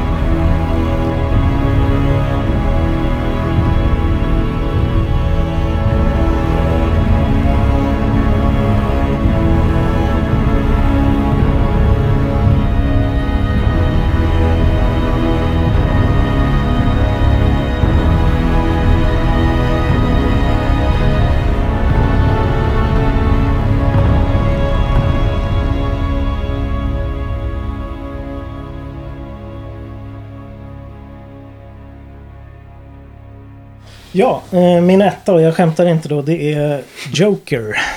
Todd Phillips eh, film om eh, den här serietidningshjälten eller skurken och hans, hur han kom till. Eh, men för mig så är det väl det här inte en sån här DCEU-film, även om det är det. Det kändes ju inte alls som det när jag såg den. Det kändes som en filmfilm. Liksom, det, var, det var den första känslan jag fick när jag såg den på bio. Att eh, vad fan, det här är ju en, det är bara en vanlig film om en snubbe som har jättemycket problem. Och psykiska problem och mår dåligt. Och allt är emot honom. Eh, och eh, den, det stycket vi hörde det var ju av eh, Hildur Guðnadóttir, isländskan, eh, cellospelerskan. En helt underbart stycke som spelas i en, eh, i en scen på ett badrum där Arthur Fleck börjar dansa. Eh, så där, det handlar ju om Arthur Fleck då som är i slutet av filmen så blir han väl Joker då, men det kan Som är Batmans eh, nemesis. Nemesis, precis. Va? Det är väl den största nemesens Batman har. Ehm, eh, men det är väl så här, kombinationen av Joaquin Phoenix gestaltning av den här figuren, den patetiska liksom figuren. Eh, fotot av Lawrence Shear, tror jag han heter. ehm, som skildrar den här Gotham som är liksom ett det är liksom förruttnat eh, skyskraporna som liksom tornar över honom och liksom trycker ner honom. Han går upp för en stapplar upp för en trappa i början som har blivit ett känt turistmål nu då. Mm. Eh, och sen då den här fantastiska musiken av Gudnadotter jag, gjorde att jag, jag varit helt... Eh, Jag fick faktiskt en, en, en fysisk reaktion. Liksom, jag var nästan tvungen att gå ut. Eh, Vad då för någon reaktion? ja, jag, blev, jag blev sjuk. Så här, under visningen. Vad du? Du? Eh, Sjuk? ja, jag, jag fick alltså någon typ av andrahands skam, ångest, Jaha. psykos. Eh, Så att eh, när, när Joaquin Phoenix började skratta, det här okontrollerade skrattet som han fick i, när han var nervös Ja. i i liksom vissa sociala situationer. Så då fick jag någon sorts e- egen panik så att säga. Och sen, började du skratta också? Nej, i- jag- i biografen? Nästan. Nästan. Eh, men sen kommer en scen när han, eh, den här eh, Arthur Fleck då, han vill bli stand-up-komiker. Mm. Och sen har han en, eh, han ska göra debut på någon stand-up-klubb och han går fram liksom och ska, och publiken sitter och väntar. Det tar liksom flera sekunder innan han ens börjar prata. Liksom obekvämsfaktorn är liksom i, i kubik. Mm. Och sen börjar han få sitt okontrollerade skratt och liksom, ja. Jag, jag fick så här myror i fötterna, jag, fick, jag blev yr. Ja. Och jag, jag var tvungen att blunda och titta bort så att säga. För att, eh, jag, jag, ja. Så det, var, det var väldigt nära under typ så här fem minuter att jag, att jag fick gå ut. Annorlunda. Och jag, jag vet liksom inte om... eh, Ja, jag vet inte vad det... Det måste ha varit liksom själva intrycket. Det blev för mycket liksom. Så att eh, sen efter det då var jag totalt hooked. Liksom, Mm. på hela liksom... Ja, det jag såg. Det var liksom bara... Jag, eh, så att Joaquin Phoenix, han är ju verkligen värd sin Oscar får jag säga. Det, Ja, bästa manliga huvudroll. Ja, helt klart. Eh, sen är det ju obehagligt spännande i en, eh, i en scen i en tv-show där Robert De Niro är då någon typ av eh, host, en David Letterman-figur som av olika skäl så, så kommer han Arthur Fleck och blir gäst där och då kommer han nu in som Joker och man liksom sitter och undrar vad som ska hända där.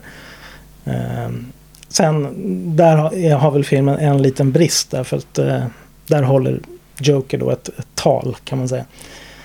Och det, det, då känns det ju som att Det här emotionellt tal som man ska... ja, han håller någon sorts politiskt brandtal. Eh, och då känns det som att då är det manusförfattarna som pratar snarare än Arthur Fleck själv.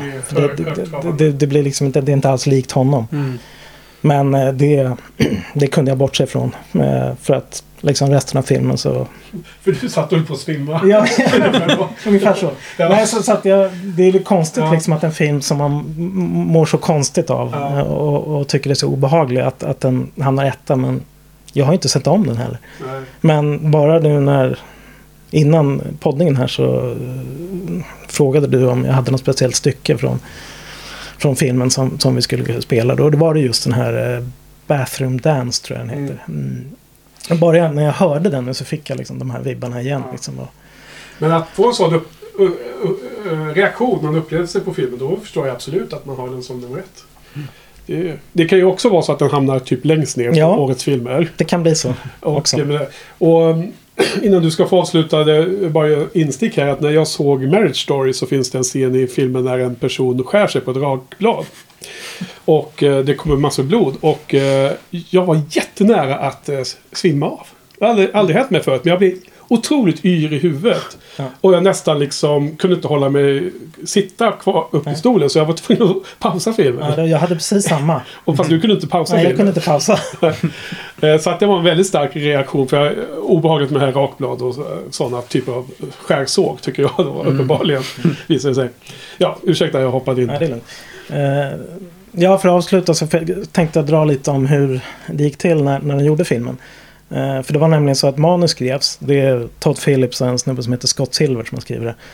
Och då skickade de det. De hade valt ut så, att säga eh, Hildur. De hade, jag tror de hade hört hennes musik i Sicario 2. Mhm. Som hon skrev själv då. Eh, inte ihop med eh, Johan Johansson. Eh, och då skickade de manus till henne. Hon lyssnade på det, blev väldigt berörd. Eh, skrev musiken. Och sen under inspelningen så fick Joaquin Phoenix höra hennes musik i, i hörlurar så att säga. Medan de spelade in scener. Och till exempel den här badrumsscenen så, så den funkade liksom inte innan.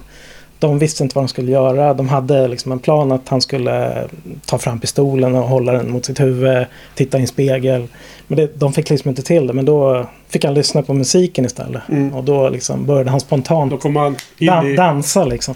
Så att de har liksom eh, korsbefruktat varandra. Eller Ja. ett speciellt sätt att jobba där. Och det funkade på mig. Ja. Och hon vann Oscars för bästa mu- musik. Precis, det gjorde hon. Perfekt. Ja, eh, jag har ju sett filmen. Har ni sett filmen grabbar? Mm. Ja. Ja, vad tycker ni? Eh, ja, jag håller med om eh, allting.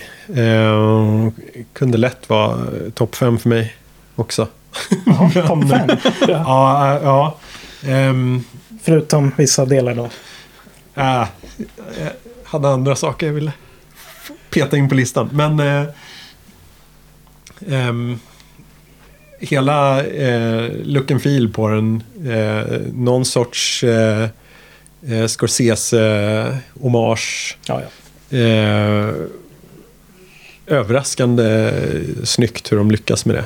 Och eh, väva ihop eh, Taxi Driver och eh, King of Comedy Mm. i en historia. Eh, också riktigt, riktigt vast. Todd Phillips är ju underskattad. Uppenbarligen så, eller re- redan i Hangover så har han visat Ja. att han kan göra kvalitetsfilm. Men då inte haft eh, lika höga ambitioner kanske genremässigt. Eh, så eh, ja, väldigt Ja, för han har spännande. ju Men, gjort sådana här komedier som Road Trip och sånt där förr i tiden va? ja, precis. Ehm, när jag såg den här så såg jag att eh, okej, regissören är Todd Phillips. Ja, men det är ju han den där som har gjort den här eh, In the Bedroom. Eller Ja. alltså Todd Haynes. ja, ja, ja. Så jag, så jag liksom, ja ja, Ja. tittar på det sen efteråt så... Det hade jag Kanske en, en annan Todd hade varit den här Solons. Det kanske bättre. just det. hade blivit andra filmer. Men eh, det, det som eh, kanske gör att den inte har gått hem hela vägen för mig är för att ehm, jag blev så nervös för eh, Joaquin Phoenix eh, mentala hälsa av att se det där.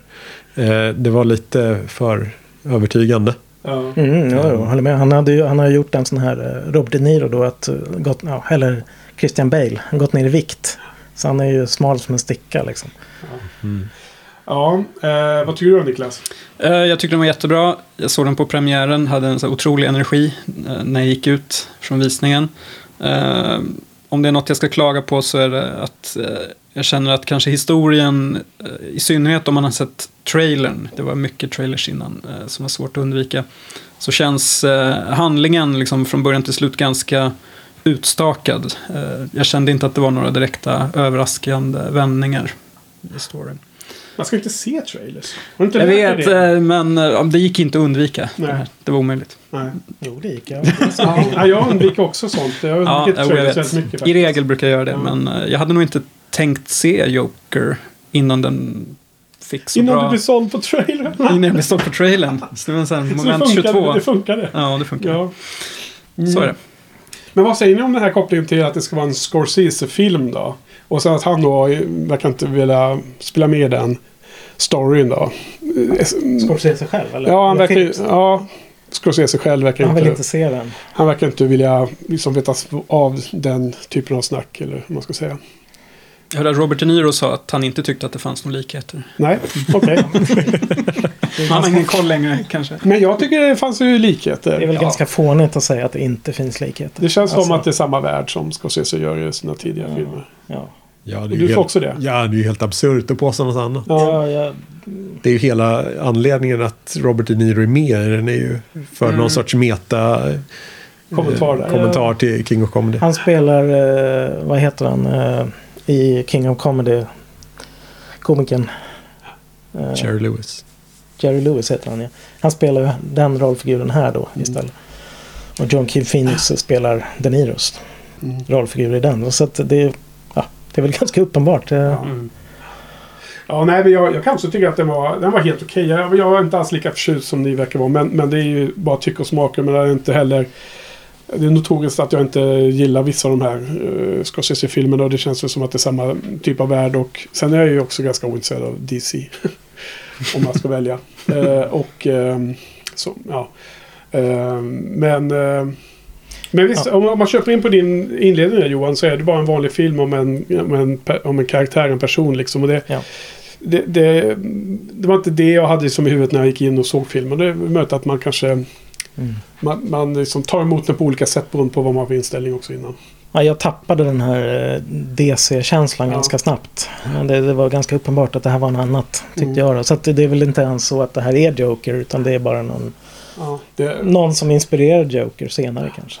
Sen, eh, sen, eh, sen så, Joaquin Phoenix är inte så förtjust i honom faktiskt. Han har fel eh, aura för mig. Mhm. Eh, Kommer ihåg att The Master som han ändå tyckte var en jäkligt vass film. Det är svårt att säga att den inte var bra. Och där är han ju också så här excellent. Men det, är liksom inga, det blir inga favoritfilmer för mig för att det är liksom det är helt fel energi. Jag Han är, gillar inte det. han är jobbig, alltså han är, han, han är störande på något sätt. Han Ja. har något speciellt sätt som är, tydligen funkar för mig. Ja, ja. ja men det är en intressant film i alla fall. Nu har vi fler kommentarer från er. Alltså det har ju varit så himla mycket snack om den här filmen, att den var farlig och hela Just det här. det. Vad var den, vad var den det för någon grej då? Alltså jag, jag, förstod, jag missade den debatten eh, faktiskt. För det var liksom innan den hade premiär i Sverige tror jag. Så började det skrivas om att de skulle hålla på högre säkerhet på biograferna och det var liksom vita förtryckta män som skulle bli terrorister av den här filmen och så vidare. Ja. Men alltså, ja, det är ju trams liksom. Tycker jag. Mm. Det är mycket kritik också att den eh, är... Eh, den saknar djup. Att den låtsas ha något att, att säga men inte har det. Vad säger man om det? Alltså den är ju inte speciellt subtil. Alltså den är ju inte... Den, den, den bankar ju in sitt budskap. Men eh, Jag, jag kan nog hålla med om det. För jag menar, den, den, den, den säger ingenting nytt i alla fall. Nej, jag tror inte man ska se den som så. nej. Men om folk tror att den är, ger något nytt och något nytt eh, instick i någon typ av debatt så gör det ju inte det. Tycker jag. Då blir man besviken eller? Jag, Ja. nej, jag såg den inte som en sån film. Liksom. Nej, det, nej. Det, För om någon slår den väl in öppna dörrar liksom känns det som. Det är, ingen så här, det är inte så att man går ut och säger aha, det är så allting hänger ihop. Nu förstår jag. Jag vet inte. Det är inte många filmer som gör det i och för sig. nej. Nej, men då, då ställer man för stora krav på, på den. Det är ändå bara en superhjältefilm. Superskurk. ja, Nej, men, alltså, precis, det, man får väl se den som eh, Taxi Driver eller King of Comedy. Alltså, vad säger de? Det är liksom ingen så här i- spetsig samhällskritik. Det skildrar någon sorts känsla och fenomen hos, hos vissa personer. Ja. Det, Ja, det är liksom den typen av film för en ny generation kanske. Ja. Som tycker de filmerna är lite för gamla. Nej, för mig så var det ju en, någon, en karaktärsstudie liksom. Mm. Mm. Och sen nästan en fysisk re- reaktion på filmen i biografen. Så det är helt förståeligt att den uh, letar sig högt upp. Mm. Ja, men då går vi vidare. Så då har vi avverkat en etta. Vi får se hur många fler vi har. Eh, och Jo då, det, Johan var ensam med ettan. Så vi har våra tre kvar. Vi får se hur många som eh, det blir av oss tre. Och så har vi också årets film av oss fyra att presentera. Vi går vidare. Det är Niklas som ska prata nu. Och Niklas ska berätta om sin etta. Som också finns med på Johans lista. Som är Johans femma. Så Niklas, vilken är nummer ett för dig? Ja, det är ju en uh, helvetesresa till Hälsingland i uh, Ari Asters regi eh, i Midsommar. Som... Um, Midsommar. Midsommar. Midsommar. Som säger Filmspotting. Ja, just det. Det var ju lite kul. Ehm, där då Florence Pugh med flera eh, reser till Sverige. Hon eh, umgås ju med några, eller hennes pojkvän är ju student. Eh, är han antroposof? Eller vad är det för någonting? Ja, de, Antropolog. antropolog heter det. Och ska ja, studera den här svenska högtiden då. Och hade man sett trailern, som jag hade gjort här också då, så kunde man ju tänka sig att den här premissen skulle kunna bara mynna ut i en ganska så här standard skräckis. Eh, att de blir då dödade en efter en av den här eh, sekten. Eh, men Ari Aster han krämar ju ut max ur det här konceptet och Visst, har man sett The Wicker Man så vet man ju lite vartåt det barkar. Men den Det, här, det är 70-tal. Ja, precis. Inte Nicolas Cage. Ehm, att det, kom, det kommer att eskalera något så otroligt och spåra ur rejält. Och vi pratade ju lite eh, i förra avsnittet om teman för året. Mm. Och jag vet inte om det här kanske är ett tema så mycket som det är en tillfällighet. Men vi hade ju eh, 2019 flera stycken, eh, om man säger nya namn, som då kanske aspirerar på att bli en skräckmästare för sin eh, generation. Mm. Eh, Robert Eggers då med The Witch eh, och eh, The Lighthouse och Jordan Peele med Get Out och Us. Mm. Och så nu det här då att Ari Aster följer upp Hereditary. Eh, och det känns som alla de här regissörerna har fått väldigt fria händer ändå. Det är ingen liksom kompromiss Nej. med sin vision. Vilket är glädjande för jag gillar verkligen skräckfilm. Men Man har ju sett otroligt mycket skräp i sina dagar. Men nu känns det som att det börjar bli en liksom, renässans på något sätt. Att det lockar stora det, namn. det är sånt där man kallar elevated horror. Ja. Gillar du det ordet? Eller det Nej, jag vet- uttrycket? Nej, det vet jag inte om jag gör. Nej. men, det är men, lite fånigt. men vad, vilken av de, dessa tre regissörer tycker du leder racet då som eh, den här generationens bästa skräckfilmsregissörer? Ja, men det blir ju då i och med Midsommar så är det ju Ari Aster som eh, han går liksom i täten Ja. för dem. Ehm, för den är...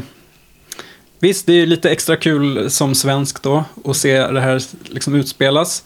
Lite tråkigt kanske att det inte är utspelat, äh, inspelat i Sverige. Det är Ja. i Ungern har jag för Ja, det är mig. Ungern, vilket jag tycker faktiskt eh, efter lite eftertanke så var det faktiskt positivt.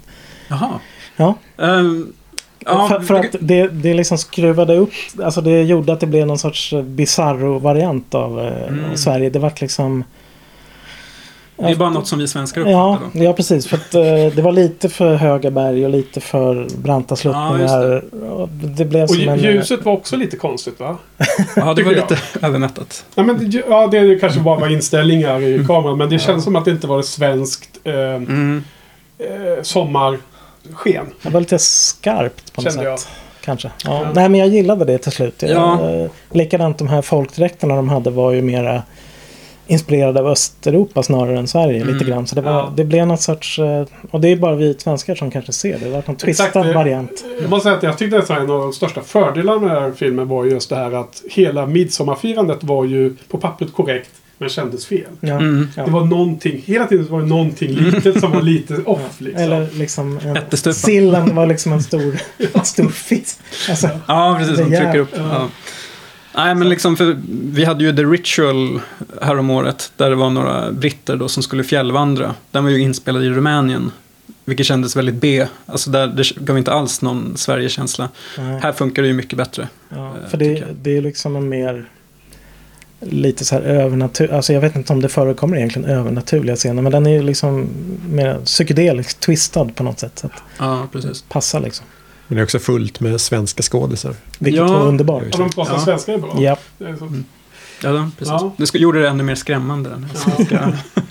och sen tycker jag, jag gillar skådespelarna. Ehm, Det, skulle, det kanske är lite tunna roller på pappret, men jag tycker ändå att till exempel Will Paul, Poulter Mm. är liksom en rolig comic bra. relief. Och, ehm, och Florence Pugh då som sagt, eh, hon blev ju rånad på en Oscars-nominering. Hon blev ju nominerad för Little Women, Jag biroll. jag tycker Ja. hon borde blivit nominerad för den här Ja. snarare. Eller både och kanske, Ja. inte vet jag. Men... Vad har du att tillägga Johan? Du hade med den som din nummer fem. Ja, det var väl just det här med att den var inspelad i Ungern och att det funkade då. Eh, och sen har jag noterat att Ari Aster, han är väldigt bra på att skapa såna här socia- sociala situationer av obehag. Mm. I Hereditary finns det någon eh, sån här Lars Norén middagsscen som är väldigt bra. Där eh, mamman där får, får ett utbrott. Eh, det är likadant här, det förekommer en, jag vet inte om de käkar lunch eller vad det är. Och det är liksom väldigt obehagligt och märkligt. Eh, Det är lite simma lugnt Ari Aster. Eller? ja, kanske inte, ja. ja jag vet så här inte. awkward sociala Ja, situationer som är ja, awkward. ja, ja, jo fast här blir det awkward. Och det är läskigt samtidigt Ja, på och livsfarligt. Ja, ja. Ehm, Mm. precis. Ehm, ja, Ja. jag vet inte. Ett gott betyg är väl att jag Det kanske man inte ska göra, men jag skrattade hysteriskt sista 20 minuterna. Ja, jag skulle komma till den frågan. Alltså för mig, är det här är en jättestark film för året. Men jag, jag tyckte att den derailar lite mot slutet. Den sista halvtimmen eller vad det nu än Ja, är. det var då den Vad verkligen kom på spåret. Alltså det var Ja. då, då, då bankade den hem så att den hamnade på plats, Ja. plats fem för mig. Samma här. Eh, Ja, om- om uppenbarligen så Ja. gillar ju ni det. Men gärna att ni förklarar med... Jag skulle jämföra med Hereditary som jag gillade men som inte var riktigt lika...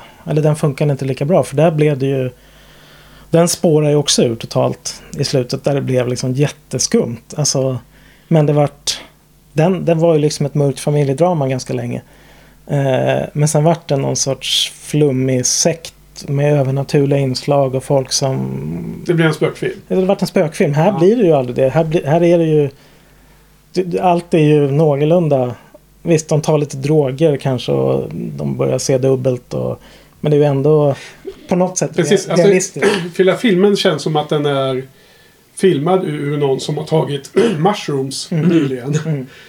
Antingen jättehöga eller, eller bakfulla från uh, trippen liksom känns som. Antingen eller. Den är aldrig riktigt kla- ren eller klar.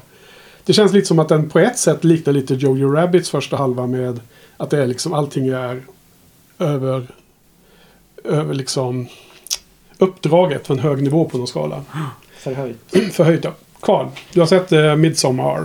Ja, ehm, håller med om mycket. Eh, hantverket är bra.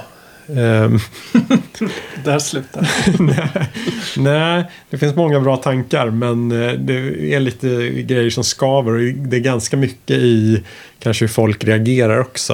Eh, det, det känns inte helt eh, 2019 att ha med en våldtäkt mot slutet som är gjord i lite Roy Andersson-stil. Där då publiken sitter och slår sig på knäna och kiknar och Ja, skrattar. ja, den den är lite udda den scenen. Jag gjorde det, jag får erkänna det. Ja, precis. Det, Ja. det, det gör ju att den, den kanske inte växer efter visningen. Ehm, så, ja. Men... eh, ja, han är bra. Men... eh, ja, det är ju fascinerande att alla de där tre nya skräckmästarna faktiskt lyckades med sin andra film. Mm. Det är alltid något. Ja. Inte den svåra andra filmen som det kan vara. Ja, ehm, kan vi tillägga att jag har hört på poddar, eller på en podd, att den här finns då i en mycket längre Directors Cut. Som tydligen ska vara um, väldigt givande. Och vara den bättre versionen. Och jag känner själv att ehm, det här är en, faktiskt en bubblare för mig. Eh, inte min vanligaste favoritgenre, men jag tyckte att den, det har så mycket häftiga grejer. Och hela den här kopplingen till svenska gör att det blir extra festligt, tycker jag. Just den här känslan av att allting, eller det är hela tiden något som inte stämmer liksom. Ja.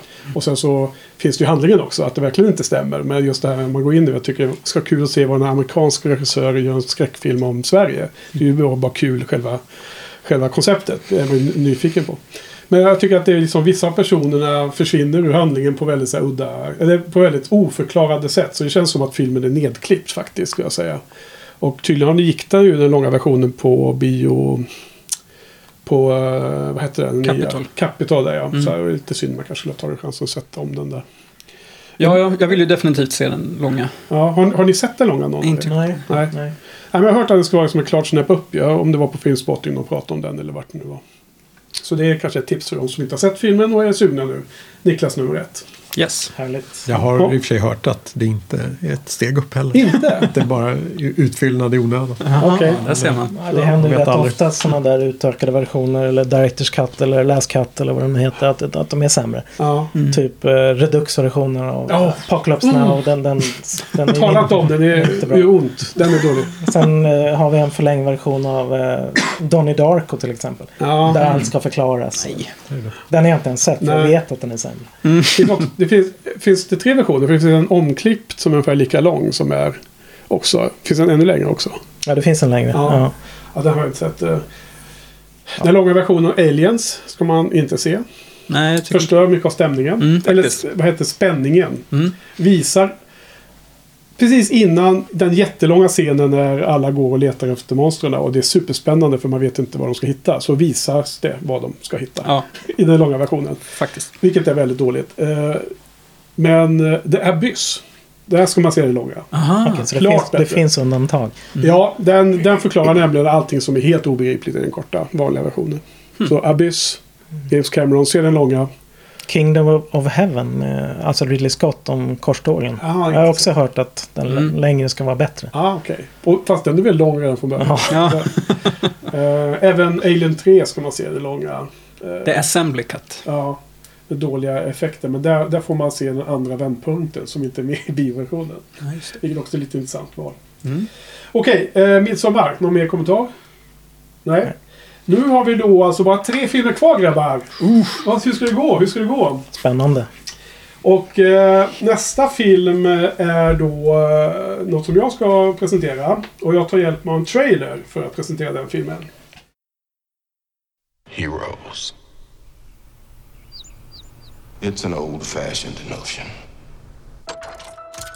A visionary, a genius, ensuring freedom around the globe. A symbol to the nation. A hero to the world. the beacon of hope, shining out across the stars. I look around at us. You know what I see? A bunch of a-holes. Possibility. You think you know how the world works? The world is changing.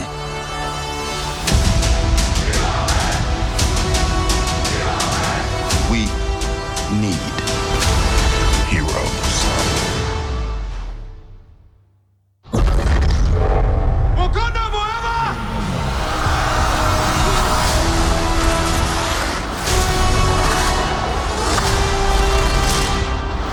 Our very strength challenge. Challenge incites conflict. Conflict breeds catastrophe. The thing isn't beautiful because it lasts.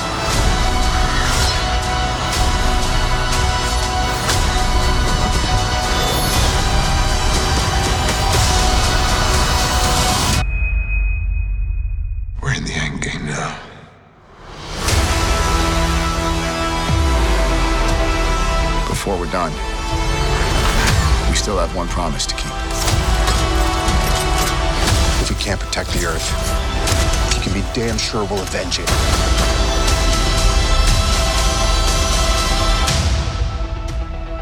Whatever it takes.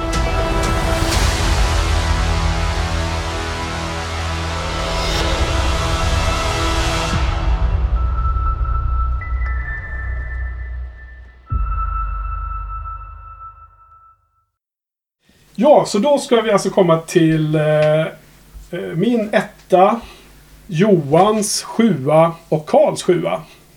Så har vi en film som är med på tre listor igen. Niklas är den som... är, Du som eh, förstör nu. Eh, Niklas ska bort i den här leken. och det är då Avengers Endgame. Ja, så det här är ju eh, en fantastisk slut på eh, The Infinity Saga tycker jag. Förvisso kommer epilogen den eh, Spider-Man Far From Home efter som är med i fas 3 men det är ju det här som är det egentliga slutet. Och eh, det hela började med 2012 när Avengers kom. Och på grund av att det var Joss Whedon så ville jag ju se filmen. Det var ju givet. Fan av andra saker han har gjort. Jag var inte eh, hooked på MCU överhuvudtaget. Jag menar, redan 2008 kom ju då alltså första Iron Man och de hade ju producerat ett gäng filmer. Och Avengers, första Avengers var ju sista filmen i fas 1. Det var ju Wrap It Up där. De, de avslutar varje fas med Avengers. Och jag såg den och blev ju totalt förtjust i den här världen och de här karaktärerna. Gick ju tillbaka och kollade på alla filmerna då. Sett dem många gånger. Jag har till och med poddat om dem och så. Sett, sett om dem i olika omgångar. Så att Sen kom ju alla dessa MCU-filmer under resten av 10-talet. Och för mig är det egentligen det som definierar 10-talet. Överlägset. De här filmerna. När det gäller hur mycket jag har gillat filmerna och hur mycket man har tänkt på dem och hur de har funnits i huvudet liksom som närvarande. som film, filmserien. Och hela filmindustrin. Vad sa du? Och hela filmindustrin. Ja, till irritation för sådana som eh, Coppola och Scorsese som då inte tycker att det är riktig film. Men jag, jag tycker att det är snarare en, en ny typ av grej som har gjorts. En, en, en unik grej som inte har gjorts tidigare. Ehm, de flesta filmserier blir ju ganska snabbt sämre liksom. Terminator var ju bra första två. Och sen har det bara varit konstiga filmer. Eh, Rambo, Rocky. Det finns massor med serier som går upp och ner men liksom håller liksom inte riktigt linan, linan ut. För att inte tala om Star Wars. Som, som varit så himla viktig för många. Den gamla trilogin är liksom nostalgisk och eh, romantiserad och alla älskar. Och sen blir det bara sämre och sämre och så blir det lite bättre och så blir det bara sämre och sämre igen. Eh, Det är väl Bond-serien som på något sätt håller stilen. Men där, där löser man ju det genom att byta skådespelare och, och göra om samma story om och om igen. Liksom, till lite bara nya städer som sponsrar filmerna så blir det bra. Liksom. Så jag, jag, jag tycker att det är, liksom, det är fascinerande att de har lyckats. Marvel. Och jag har ju på min blogg skrivit om alla filmerna och alla betyg på skalan har ju givits ut. 1 av 5 till 5 av 5. Jag menar, Incredible Hulk. Incredible Hulk, film nummer två i hela serien, är ju svindålig tycker jag. Och så vidare. Eh, Infinity War, eh, första delen av sista Avengers, för det är egentligen två delar av samma film. Är ju kanske toppen då. Eh, tycker jag är snäppet bättre än Endgame. Men det här är ju eh, årets film. Det är liksom... Precis som Oscars med Sagan om ringen-trilogin så öste de Oscars över sag Sagan om Konungens återkomst. Som är på många sätt och vis den svagaste filmen i trilogin. Där den första är klart bäst. Och det var ju, det var ju liksom lite så här, eh, De fick pris för hela trilogin. Liksom. Good job done. Ja. Och jag, för mig är det här liksom slutet på en otrolig resa. Så att det kan inte vara en annan film som är bäst för mig. Det tyckte inte Oscarsjuryn. Eh, nej, nej, Nej, den går inte hem. Det, alltså bland eh, filmkritiker och så, då går inte det här hem. Men, men ja, det är liksom Ja. karaktärer som man har umgås med så länge och jag tycker att den, den gör payoff på så mycket grejer. Och speciellt om man jämför med eh, si- sista Star Wars, Episod 9. På hur de lyckas med nästan ett omöjligt uppdrag att, att wrap it up. Um, för att inte tala om det jämföra med DC, eh, vad heter DC? EU. EU. Så, så är det beviset på att det inte alls bara att göra en sån här serie så tjänar du miljarder dollar. Utan det är snarare helt tvärtom. Det är nästan ingen annan som har lyckats med det här liksom. Och jag, jag roade mig här om kvällen och låg och tittade på och fastnade i YouTube som man lätt gör. Och såg fyra stycken av Watch Mojos topp 10 scener ifrån Avengers Endgame. Dels topp 10 bästa scener och sen var det topp 10 other bästa scener. Och så var det topp 10 roligaste scener och sen var det topp 10 vad det nu var. Och alla de fyra hade 10 plus eh, honorable mentions. Så det var ungefär 15 scener per video. Och alla scenerna var som jag bara ja, den här scenen är också skitbra. Och ja, den här är också bra. Liksom, vi, vi, vi pratar om mer än 50 scener. Och de fick inte ens med min favoritscen. Som är nästan en otroligt liten scen som sker i filmens andra scen. En liten del av andra scenen är när... vad heter det? Vänta nu. Tony Stark och Nebula spelar eh, fotboll med, med pappers, vikt papperslapp. Och Nebula får vinna för första gången. Den tycker jag är så himla bra. Det har jag sett om filmen några gånger nu och börjar man plocka upp sina små detaljer som man typ inte såg första rundan. Det hade inte Watch Mode med. så, så att det var lite förklaring varför jag gillar den här så himla mycket. Och ja. Men det var, det var min del. Johan, du är också med i den. Plats sju. Mm. Addera någonting. Jag kan väl addera att eh, jag var ju inte speciellt förtjust i Infinity War. Nej. Jag tyckte den var rörig och eh, jag blev inte alls berörd av liksom, slutet, det här berömda. Det som hände. Mm. Eh, så jag gick in med ganska låga förväntningar på den här. Men den tog ju mig helt på sängen. Och det, det är väl lite som du är inne på att det måste vara liksom själva payoffen på de här. Att man har sett alla filmer, poddat om dem, lärt känna rollfigurerna. Allting. Jag gillade inledningen där man, eh, det var väldigt dystert. Det tog lång tid innan det egentligen hände någonting. De försökte bara överleva i den här världen fem år senare. Ja. Eh, Man fick komma dem nära och sen plötsligt då så fanns chansen att göra någonting då. När, På, på ett sätt var den där dystra visionen fem år i framtiden, den världen var nästan lite Joker-lik, slår mig. Ja, faktiskt. När jag tänker på det, när, Faktiskt. när du beskriver det så. ja, eh, vad tänkte jag säga mer? Eh, ja, eh, sen fick jag ju gåshud i själva den stora slutuppgörelsen när man fick liksom pay-off på alla figurer som har varit med Mm. när de dyker upp. Och, eh, Captain America får ta en viss hammare i handen. Just det. Och det är då en payoff till eh, callback till Age of Ultron där det antyds någonting så att säga. Och bara sådana saker det gör ju att det här är Ja, totalt. precis. Det var ju den fjärde sån lista på Watchmore. Det var ju topp 10 callbacks. Mm. Ja. Nu kommer jag ihåg. Ja. Och eh, eh, jag som inte har läst serietidningarna. Har ni läst Avengers? Nej. Nej. Det är tydligen extremt vanligt eh, uttryck med Avengers Assemble. Ja. Och eh, Age of Ultron avslutas ju med att de klipper mitt i... Avengers Ja, klipp. Steve, Steve Rogers säger det men de klipper mitt i. Så, man- så fansen får inte höra detta ikoniska uttryck. Men det kommer ju nu. Mm. Och det är Och- liksom tio år sedan. Ja. Plan, hur de nu planerar, de bara tänker att det där ska vi behålla till slutet. Liksom. Det, ska, det payoffen kommer nu i den här filmen. Så, Jag gillar hur han ytterligare. säger det också. Att Ja. han inte skriker ut det utan han, han säger det liksom i någon sorts normal samtalston. Bara. Ja, okej. Ehm, Carl, du är också med Avengers Endgame på listan. Det känns nästan lite som att vi är åter i gamla Shiny-podden. eh, Ja, precis. Det kanske inte är en slump. Eh, för eh, i och med det och bara kulturen i stort så har man ju tvingats eh, se allting lite motvilligt och det har eh, växt på mig. Eh, allt eftersom. Så, ja, så, så efter allt det så ehm, har man ju någon sorts eh, koppling till alla rollfigurerna och eh, det har ju varit frustrerande längs hela resan att det bara bygger och bygger och bygger mot någonting i framtiden. Precis som en tv-serie. Så jag blev väldigt, väldigt förvånad över att de valde att bara ge payoff på allting här. Ja. Så det är bara ett definitivt slut. Mm. Eh, det var bara ja, total tillfredsställelse eh, för hela filmserien. Och sen har jag då bara kunnat släppa MCU fullständigt. Nu är det liksom slut. Jag hoppar det över. var... Ja, inte riktigt. Jag Men hoppar över till DCU istället. du Ja, vet att det inte är slut, men du, du, Ja. du, du kan logga av om du vill. Ja, precis. Att Ja. Det finns liksom inget som inte är avslutat för Ja. min del.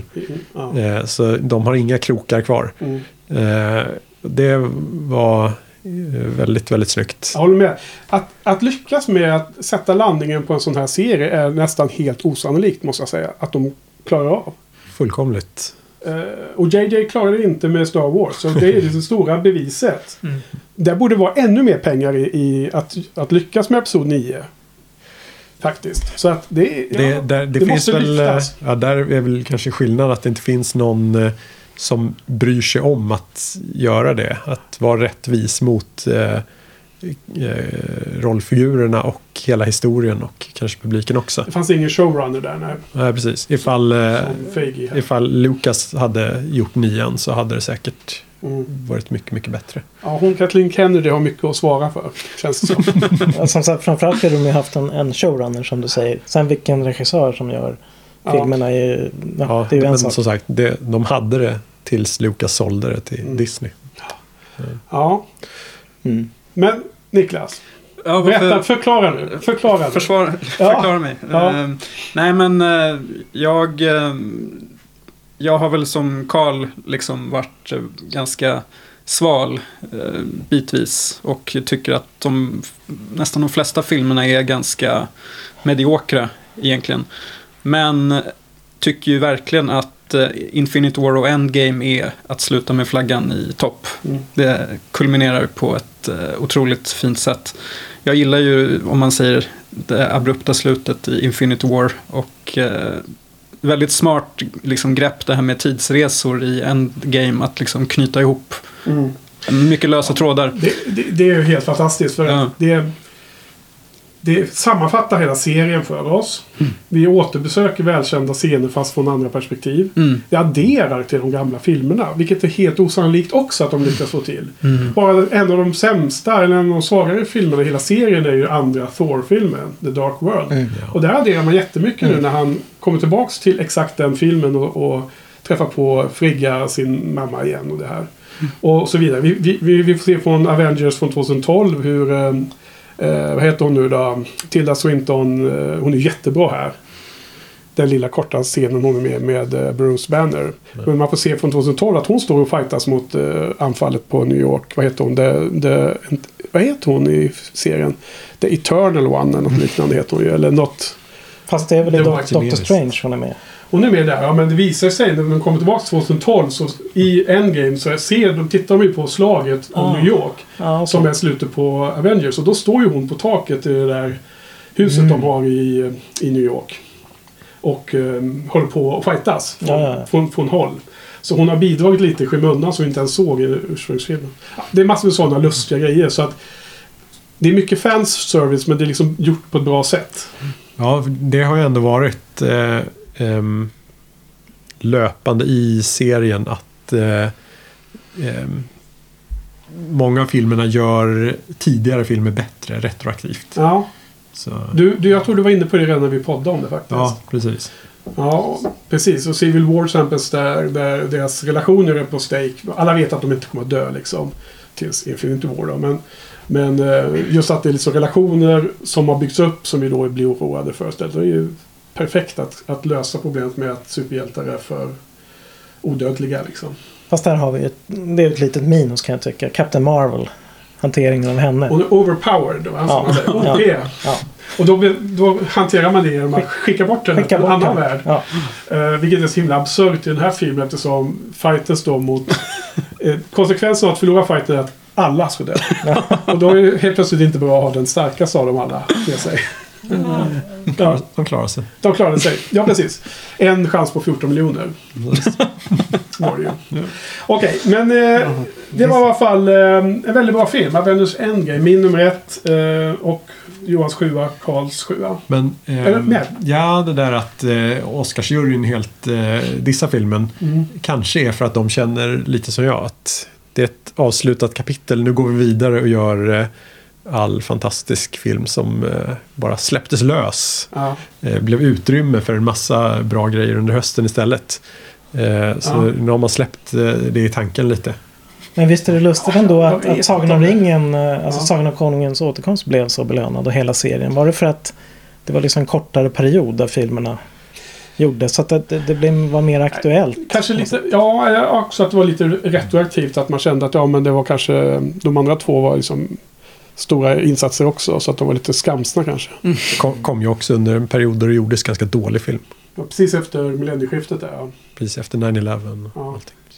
Vad heter det? På tal om, nu har inte jag läst på supernoggrant. Eh, Jag är en stor MCU-fan men jag liksom inte, brukar inte titta på alla trailers som kommer ut. Jag brukar inte läsa exakt vad som händer. Men jag har någon vag eh, koll på att det, det kommer ju nya faser. De slutar inte göra filmerna. Nej.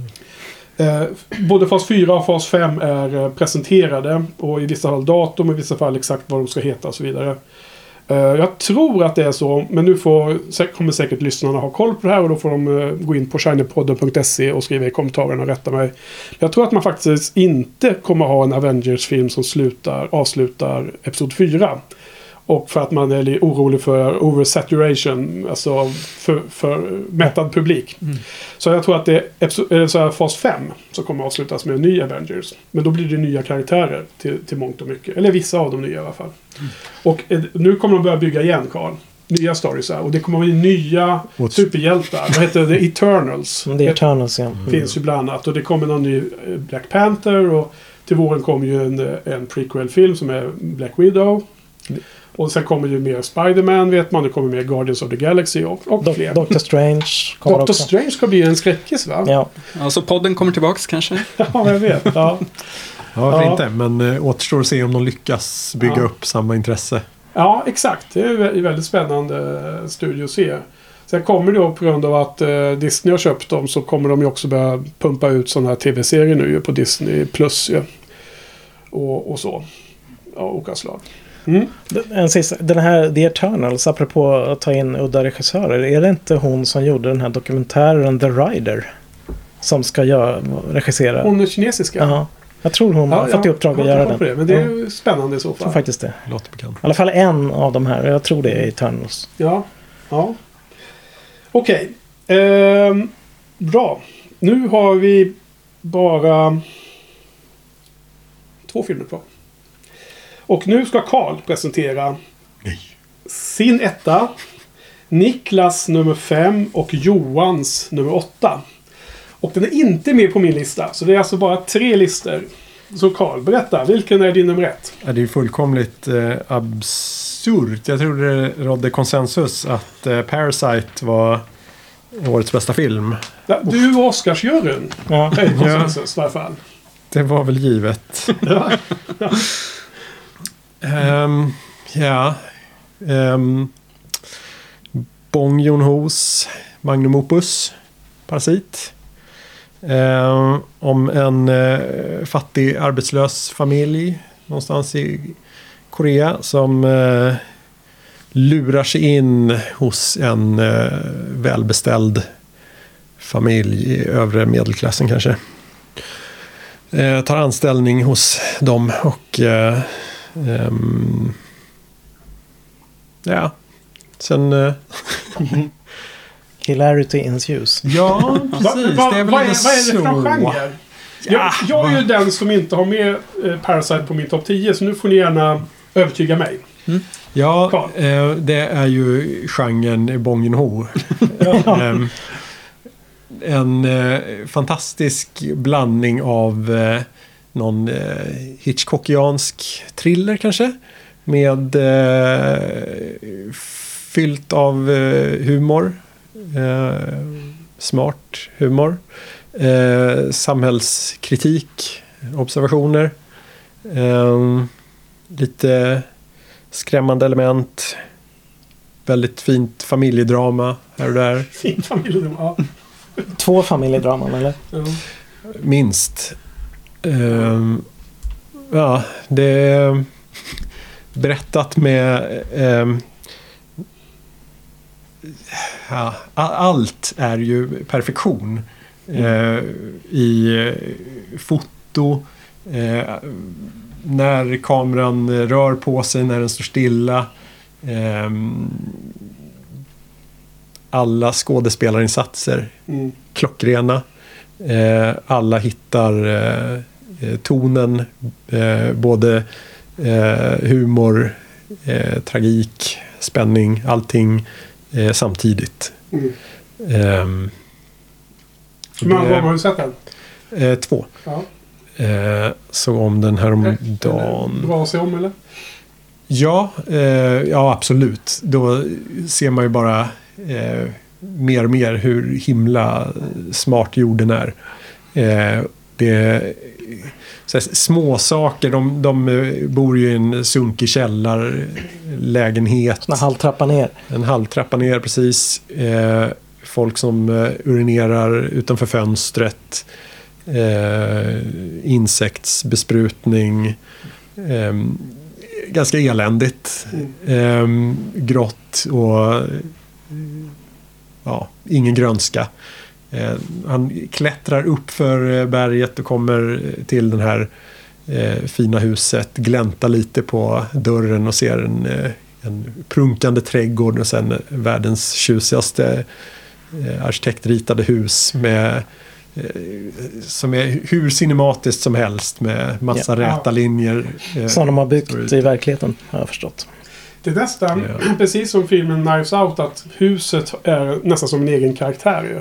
Båda husen är extremt viktiga bara Mm. för historieberättandet Mm. i sig. Det, ehm, ja, bara hur eh, lamporna tänds och släcks och saker. Mm. Ehm, mm. Ja, jag har mina dubier med det här, men, men jag ska låta de andra komma in först innan jag ska ställa mina frågor. Jo, jag vill säga Niklas, du har den på plats fem. Ja, det är kanske lite för långt ner, börjar jag känna. Men jag kommer nog se om den och eventuellt eh, lyfta upp den Ja. ytterligare. Men eh, jag har annars eh, känt lite på senare år att jag börjat bli lite skeptisk till Bong efter hans amerikanska filmer. För visst, Snowpiercer och Okja har ju sina stunder, men det är också mycket så här buskis-element som dröjer sig kvar. Typ Tilda Swintons så glappande löständer och Mm. Jake Gyllenhaals eh, hysteriska djurskötare. Så det, det är inte bra. Mm. Eh, det är det inte. Men nu är han tillbaks liksom eh, på bekväm Tight, hemmaplan. Otroligt tight. Nu, är det här är ju liksom en fröjd på alla plan. Ja. Och just hur den liksom sömlöst skiftar mellan olika genrer och gör liksom allt jättebra. Så ah, jag har typ inget att klaga på, Nej. känner jag. Och plats fem. Och Johan, du hade också med den på din topp 10. Plats åtta.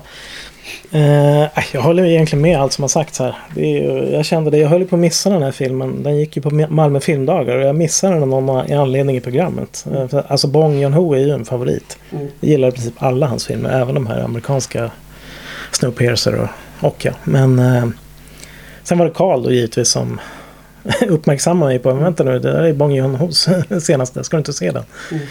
Och eh, då såg jag den och jag blev ju helt, jag kände ju direkt att liksom, man var i händerna på en, eh, en, en, eh, en riktig hantverkare liksom, som vet vad han gör. Liksom. Man kände sig vid trygga händer. Just hela eh, liksom, manusmaskineriet, hur det liksom går igång. Det är liksom deras heist i, när de liksom nästlar sig in i den här familjen. Det är liksom som kugghjul som hakar i varandra. Både liksom manusmässigt och det som, som de gör. Liksom, allting funkar.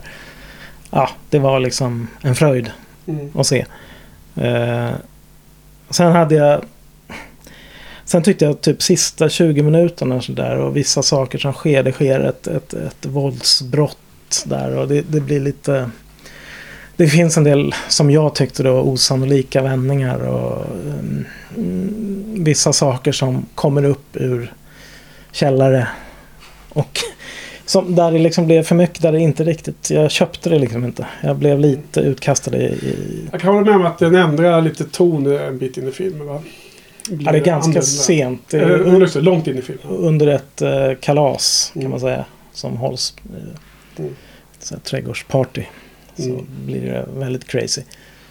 Eh, och sen anledningen egentligen till att den är så långt ner som den är på plats åtta. Den, jag känner mig lite som Niklas, den kanske borde vara högre. Men jag har liksom ruttnat lite på allt, alla hyllningar. Liksom. Jag kan inte hjälpa det. Det har liksom påverkat hur jag känner för filmen. Nu är det som att folk hyllar den, speciellt efter Oscar. Liksom de hyllar att den vann Oscar. Och, istället för att hylla själva filmen. Och det är liksom, ja. Mm. Ja, man ska inte låta sånt påverka hur man själv tycker. Men jag, Ja, men Liksom. det får man väl göra. Det ja, väl nej, jag okej. kan inte hjälpa det.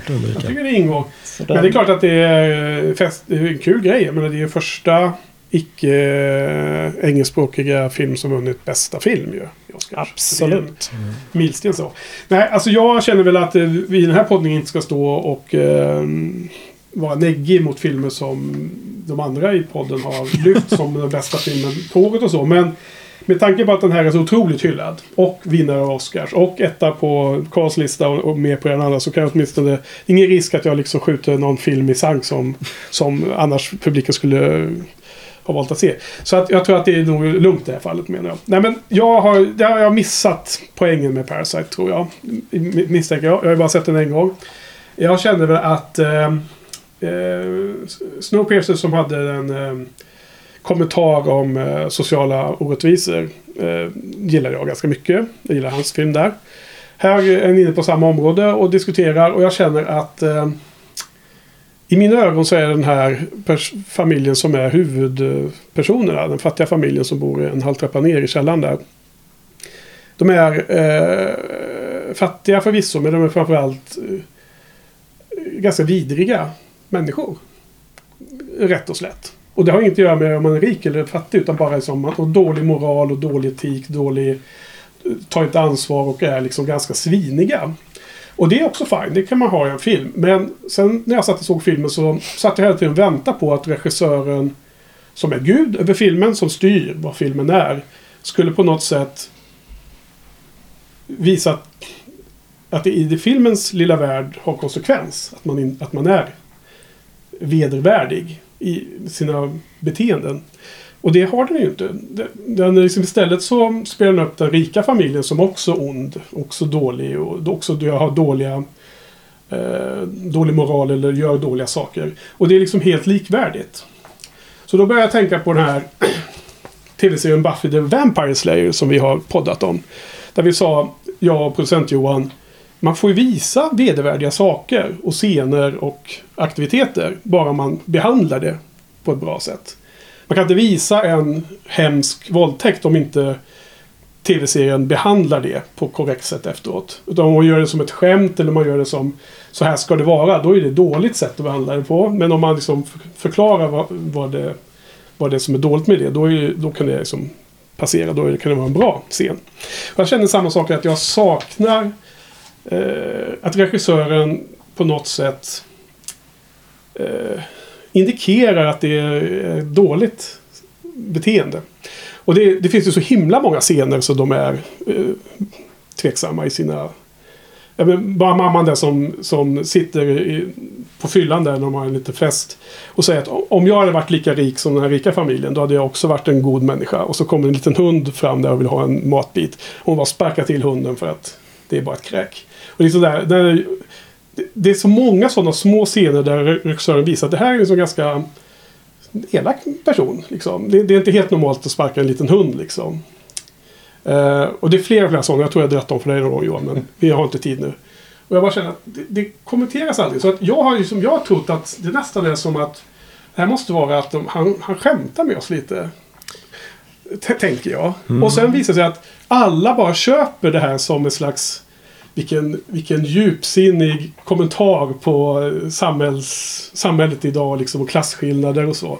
Och då börjar jag känna så här, what the fuck? Jag, alla bara tolkar det här helt annorlunda. Så att jag är bara så här, Ja, du, du, fattar sa, ingenting. ja, du sa ju själv att hon, hon själv kommenterade på det. Ehm, Men eh, Men, hur menar du? att hon själv eh, sa att hon skulle vara mycket godare ifall hon var Rik? välbärgad. Ja, men, men sen betedde hon sig på ett sätt som inte har någon betydelse om man är rik eller fattig. Det, som, som visar på vem hon var egentligen.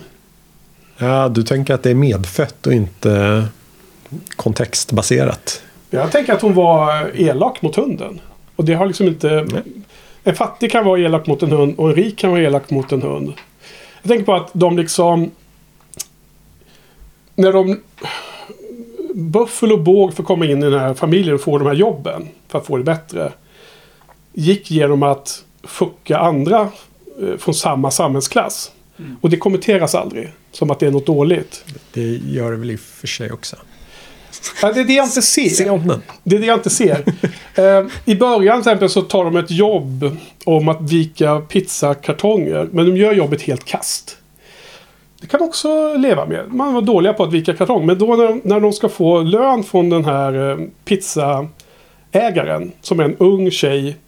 Så man, man får en känsla av att hon också varit fattig och bara tagit tag i sitt liv. Och skapat en liten firma för att liksom hanka sig fram i livet. Då sa nej, vi måste ha full lön. Men ni har inte ens, ens gjort eh, jobbet ordentligt. Ni får, ni får bara 75% av lönen eller sånt där. Och, och sen blir det en konflikt där. Liksom det här he, helt då. De bara, liksom, de bara, bara utnyttjar alla runt omkring sig. Oavsett om de är rika eller fattiga. Och det är den... Det är den... Det är lite konstigt att, att jag, jag hamnar inte i rätt slutsats tydligen som alla andra som hyllar filmen gör. Jag, jag tänkte på, alltså det dyker ju upp en, eh, en till familj eh, senare i filmen. Ja. Och eh, de har ju någon typ av uppgörelsescen där de bråkar med varandra så att säga. Och då tycker jag väl det är ganska tydligt att eh, att de gör fel. Alltså att filmen visar att vänta nu, vad håller ni på med? Bråkar ni med varann? Alltså, kan inte, om inte ens ni kan hålla sams, hur ska det funka då? Eh, så jag vet inte. Just den, ja. Ja. Du verkar sugen på en rebuttal. Ja, alltså... ehm, det är ingen... Det är ingen eh, Ryan Johnson-nivå på, på eh, eh, samhällsanalysen som Bong gör. Ehm, men ja, den vänder sig väl emot en sån där strikt... Eh, ehm, eh, neoliberal eh, samhällsanalys. Där, med där eh, var och en är sin egen lyckas smed. Eh, och att det inte behöver göras på någon annans bekostnad. För det blir ju lite här att eh, resurserna är begränsade och eh, vad som gör att någon lyckas och någon annan inte lyckas, det är väl inte givet. Ehm, och, eh, ja, det, det, det är ändå fint här att eh, egentligen alla rollfigurerna har eh, någon sorts sårbarhet. De har eh, moraliska tveksamheter allihopa. Ehm, de här genomruttna fattiga människorna eh, visar sig vara väldigt kompetenta till viss del. Vissa av dem. Mm. Ja, De är väldigt kompetenta det på det är de gör. som är kompetenta. Men- men- Pappan är ju men- inte jättekompetent. Jag tänkte tvärtom. Ja. Eh, när han eh, kör bil så gör han det bättre än eh, någon annan egentligen. Ja. Han är ju svinbra. Eh, men det är svårt att hitta jobb. Så det är en hård känga mot eh, gigekonomin. Ja. Det där att de ja, sitter och viker. Mamman är ju jättebra på att laga mat. Ja, precis. Jo, men alltså det, är- det är lustigt här för att det påminner lite om pappans beteende där. Eh, Okej, han kanske körde bil bra, men han, de har ju ett problem där. Det blir ett jätteproblem. Sonen blir superstressad och de måste lösa det. här. Och pappa säger lugnt, det är lugnt, min son. Du kan bara vila lugnt, jag fixar det här. Hans plan är att inte göra någonting. Han är precis som i Uncut Gems där. Att inte ha någon plan. Ja, liksom det, var, det är skitsamma. Det, och det är väl därför han har hamnat i den situationen han är kanske med familjen. För att han inte har... Han inte agerar på... Alternativt. plan. Ja, det låter väl snarare som att det är ehm, vad han har kommit fram till efter att hans alla tidigare planer har misslyckats. Ja, vet inte. Eller så kanske han skulle starta en pizzeria som hon den unga tjejen gjorde. Och han kanske får... Fast det är det han, han berättar alla saker som han, han har gjort och misslyckats med tidigare. Som, ja, det finns lite callbacks ja, rakt genom hela filmen också. Ja. Så. Nej men alltså jag, jag, man- jag, jag håller med om att jag ser att filmen är bra gjord. Den är ju solid på alla de här sakerna som du listade där. Jag, jag bara förstår inte riktigt eh, budskapet kontra handlingen. Jag tycker första delen av filmen är bättre. Jag tycker det, mot slutet så tycker jag det, det är liksom för crazy. Eh, det är liksom lite samma typ av problem som Midsommar. Att det liksom är jättebra men sen så tar, tas man lite ut ur en viss eh, härlig stämning för att liksom det blir för crazy. Liksom. Du börjar registrera vad som händer egentligen och lite som du är inne på det också Johan. Att, vad, är, vad är det här egentligen? Det blir som Det blir liksom inte lika realistiskt längre. Så. Eh, sen då så ska man inte som du var inne på Johan, man kanske inte ska låta en film eh, bedömas av hur andras re- reaktioner är. Men det blir ju förvånande liksom när man hör hur andra diskuterar filmen och hur de använder filmen för att förklara och motivera saker som de tycker passar in på filmen och så känner man att man inte känner igen det. Det blir ju liksom en, en dissonans kan jag tycka. Och det är det som mycket runt ja, vad filmens budskap ska vara. Sådär. Ja, där verkar, den verkar funka för väldigt många. Även sådana som tycker att Ryan Johnson är vass så tycker de att den här bekräftar den synen också. Ja. Så mm, den funkar för väldigt många på eh, lite längre vänster Ja. än dig. Ja, ja, det må vara. Men, men även killarna i, i Filmspotting då som eh, känns som eh, tämligen neutrala på, på den skalan vänster-höger. Så de liksom motiverar varför filmen är så briljant med saker som är uppenbarligen är helt falskt. Vi pratade om det på någon lunch. Om du kommer ihåg Johan. Eh, Så de, de har misstolkat någon scen där grovt. Och, och liksom, jag bara känner igen det där att man tar något och sen så misstolkar man det och sen så har man förklarat hela varför filmen är så himla bra. Och så bara säger men nu är ju hela premissen med att lyfta den scenen som ett bevis för er tes är ju, det var ju feltolkning till att börja med. liksom. Så att det, det kan vara lite så här man blir frustrerad över att vad fan folk verkar inte ens ha sett filmen. Liksom. Men jag köper att man kan gilla den. Det är uppenbarligen att många gör det. Och den gick ju hem eh, i Oscars och den har gått hem här hos oss också. Några mer kommentarer? Jag får avsluta med att jag är inte helt eh, såld på den, inte helt övertygad. Men jag ger att den är bra gjord och allt det där. Och sen får man se filmen själv och, ta, och se vad, vad man tar åt sig av budskapet. Ska vi säga. För den är väl värd att se. Absolut. Och eh, Bong är väl topp fem regissör i världen. Ja, Eh, inte bara regissör. Ehm, Ja, hans tidigare filmer är ju underbara också. Så ja. att, Men eh, vad heter, eh, nu står det still i huvudet på mig, jag börjar bli sent här Karl. Men vad heter din andra eh, favorit från Korea? Park Chan-wook. Nej. Nej. Hong Sang-soo. Ja, Hong Sang-soo. Ja, han kom inte ut med någon film 2019 för första gången på många, många år. då hade den varit en. Men, men han är väl ändå över. Bong? Eh, nej, det kan jag inte påstå. Nej, inte. Eller eh, på ett personligt plan eh, kanske, men eh, nej, inte eh, så rankingmässigt egentligen. Ja. Bong är ju, han är ju, behärskar ju hela filmmediet som... eh, The Host. De, ja, Den ska ses. bland annat. Ja, Ja, jag har inte sett den ännu. så, eh, han är ju Mm. riktig mästare. Jättebra. Eh, men med det ordet då, Karl, så kanske vi kan överraska våra lyssnare lite med att säga vi har faktiskt en film kvar. Och nu har vi ändå nämnt allas ettor. Så nu har vi en film kvar. Och svaret på vår stora fråga är om det fanns någon film som var med på allas lista så är svaret nej. Så vi har en film som är med på tre listor. Och det är Niklas som ska få presentera vår sista film. Och den som jag matematiskt har räknat ut som eh, den, den starkaste. För det är Niklas tvåa. Det är min tvåa och det är Karls fyra. Så det är eh, av fyra filmer som är med på tre listor, det är de det handlar om. Så har ju den här eh, klart lägst medelbetyg. Eh, vad det nu blir. Fyra, åtta, ja det blir under tre i medelbetyg. Så att din tvåa, min tvåa, Karls fyra. Vilken är det? Niklas? Ja, det är ju Quentin Tarantinos Aha. nionde film. Förstås. Once upon a time in Hollywood. Ja. Ehm, som är väl en, eh, dels en hangout-film med, med, mellan Leonardo DiCaprio och eh, alltså en skådespelare då igen i filmen. Och hans stuntman Brad Pitt. Ja. Och eh, vi anar väl lite att eh, de, börjar sjunga, liksom, de börjar bli lite avdankade eller liksom deras era är liksom över eh, så smått. Eh, och man kan ju också liksom läsa in att Tarantino har ju sagt att han bara ska göra tio filmer. Eller bara och bara, men att, eh, det, att han bara har en film till i sig. Så får vi se om Kan man verkligen tro på det? Man vet aldrig. Men, eh, ja, och den här utspelar sig då i Hollywood dagarna innan mordet på Sharon Tate. Som var tillsammans med Polanski. Mm.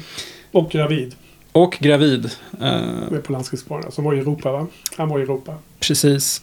Och eh, även då om den här filmen är en väldigt, det är en rolig film. Och den är som sagt ganska, kan uppfattas som riktningslös. Att den inte har någon direkt handling, stora delar av filmen. Men den har ju ändå en nerv tycker jag. I och med att man, om man har lite koll på vad som eh, hände. Så lurar det här mordet liksom under ytan. Eller liksom så här tonar upp sig ju närmare slutet vi kommer. Mm. Och eh, själv satt jag och liksom våndades över att hur kommer det här liksom hanteras? Det här kommer bli jättejobbigt att se. Eh, ja, behöver inte säga sen hur, hur det slutar. Ja, men, vi, vi, får ju varna att vi kommer kanske diskutera, diskutera den här filmen och vi måste spoila lite. Så, så de som inte vill Okej. bli spoilade på den här filmen får hoppa fram några minuter. Mm. Eh, måste vi säga. Nu. För det är svårt att... Jag, jag kan bara säga själv, eh, Niklas. Jag hade den också som nummer två. Och eh, det, det var svårt att slå eh, Avengers med hela den historiken. Men eh, det här är en otrolig film tyckte jag. Och jag var ju helt blown away när jag såg den.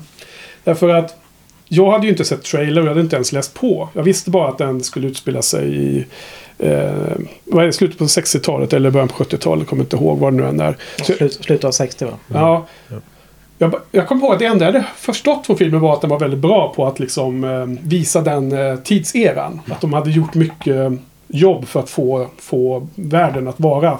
Alltså gamla, eh, de här gatorna de åker med bilen fram och tillbaka är liksom återskapade från den tidseran med alla affärer och sånt där. Det, det hade jag råkat höra men jag hade liksom inte ens koll på att det handlade om Sharon Stone. Det var så här, Sharon Tate och, och mordet där. ja. Så att under filmens gång så sitter jag och bara inser detta. Eftersom helt plötsligt så ser man ju, de är ju där. Mm. Och, och jag bara undrar, vadå, hade, fanns det en granne där? Jag bara undrar, liksom, är det här helt biografiskt? Och sen börjar jag liksom, nej jag vill inte se det här mordet. Nej. Liksom, hon är höggravid och skulle ju eh, föda några veckor senare. Så det är typ åttonde månaden, månaden va. Och jag blev bara liksom mer och mer eh, eh, obehag. Jag kanske inte fick säga att jag höll på att svimma som du Johan på, på Joker. Men alltså jag fick någon liknande typ av eh, intern resa i huvudet. Ja. Liksom spjärna emot så här liksom. Ja. Och sen då så löser ju Quentin det här precis som han gjorde på Inglourious Bastards. Mm. När det, där han hittar på en alternativ version av verkligheten. Mm. För Inglourious Bastards, kan vi spoila den för de som inte har sett, så sker ju ett mord på Hitler. Mm. Som inte skedde i verkligheten då.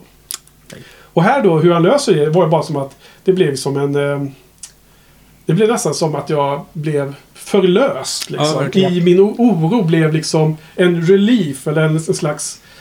Ja, det, det var en väldigt konstig upplevelse. Och sen det andra jag vill säga är att jag tyckte att det var så jäkla härligt att hänga med de här två karaktärerna. Och Brad Pitt är ju allra bäst, men Leo var ju svinbra också.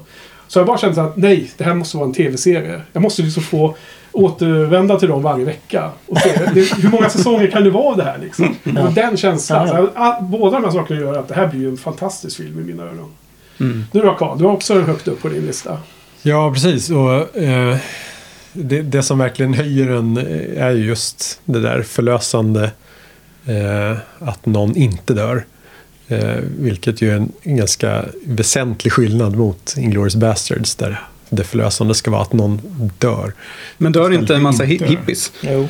Eh, Ja, jo, precis. tre men, stycken men, ja, precis. Men det förlösande är ju Ja. att Sharon Tate inte gör det. Ja, såklart. Eh, Absolut, Carl. Det Helt känns ju så himla eh, härligt. Eh, och jag älskar ju det där greppet med att man har ångest för att man vet var det kommer sluta. Mm. Det är ju många eh, 9-11-filmer som bygger på det.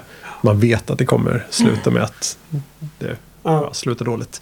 Eh, det är en härlig gnagande ångest genom hela. Men att då få befrias från det är ju ännu härligare. Får jag Eh. fråga bara, var du, visste du att det handlar om henne? Och Ja, tiden runt det mordet? ja precis. Ja, kan du förstå min upplevelse? Som inte ens hade fattat den viktiga detaljen. Ja, mm, kul Ännu mer. överraskning. Ja, Eh, sen hjälper det att eh, hon, Margot Robbie, är så himla bra i rollen också. mm. Hon är alldeles för lite tycker jag. Alldeles lagom kan jag tycka. Ja. Ja, Okej, du menar det blev extra bra för att hon var med så lite? Ja, och för skulle hon vara med mer så kanske det hade krävts eh, mer djup i den Mm. eh, rollen. Att nu får hon bara vara eh, sådär tacksam och glad över att leva. I princip. Ja, och, ja och, eh, precis, den vinkeln. Ja. optimistisk. Eh, sen eh, alltså, Tarantino är ju en mästare på att eh, eh, casta folk eh, lite eh, sådär eh, karaktärsskådespelare och få dem att funka i exakt hans roll. Mm. Vilket ju då Brad Pitt är klockren som här. Eh, men det är ju jättesällan som han jobbar med riktiga skådespelare, liksom stjärnor. Eh, som Leo DiCaprio. Eh, och det är himla spännande att se vad han gör med det. Mm. Och eh, DiCaprio är ju underbar i, i sin roll med alla sina utbrott och sin eh, ångest över att inte vara tillräcklig och att åldras och allting. Också lite metanivå på det. Precis som du var inne på Niklas. Även runt de skådespelarna. Inte bara Quentins egen karriär. Mm. Ja, Johan. Har du sett filmen eller? Ja, ja då, eh, absolut. Jag gillar den. Eh, men jag blev väl inte riktigt lika eh, liksom, fascinerad av hela den här Hollywoodvärlden som, som ni blev kanske då. Var väl inte så förtjust i Brad Pitts liksom, rollfigur och hans resa eller liksom hans häng. Däremot tyckte jag Leo var, var riktigt bra. Jag gillade hela det här alla scener som utspelar sig på filminspelningar. Uh, Western uh, inspelning. Ja, precis. Han hade någon eh, samtal med en ung eh, barnskådis där som jag tyckte var rolig. Eh, Väldigt bra scen. Ja. En av uh, bästa scenerna. Även när, när man får se han spela upp en scen efteråt där. Eh, jag vet inte om man har tagit intryck av den här barnskådisen och gör en bra insats. Liksom. Eh, och sen tyckte jag nog att Sharon Tate. Ja. jag tyckte nog hon var med för lite. Jag, det liksom, eh, men det kanske bygger på att man då vet eh, vem hon är och, då, och liksom man vet vad som hände och då behövs det inget mer. Men Ja. för mig så var hon med lite för lite. Det blev liksom, eh, äh, det blev för ytligt. Jag fick aldrig någon... Den scenen när hon går på bio och tittar på sig själv är ju för underbar. Ja. Ja.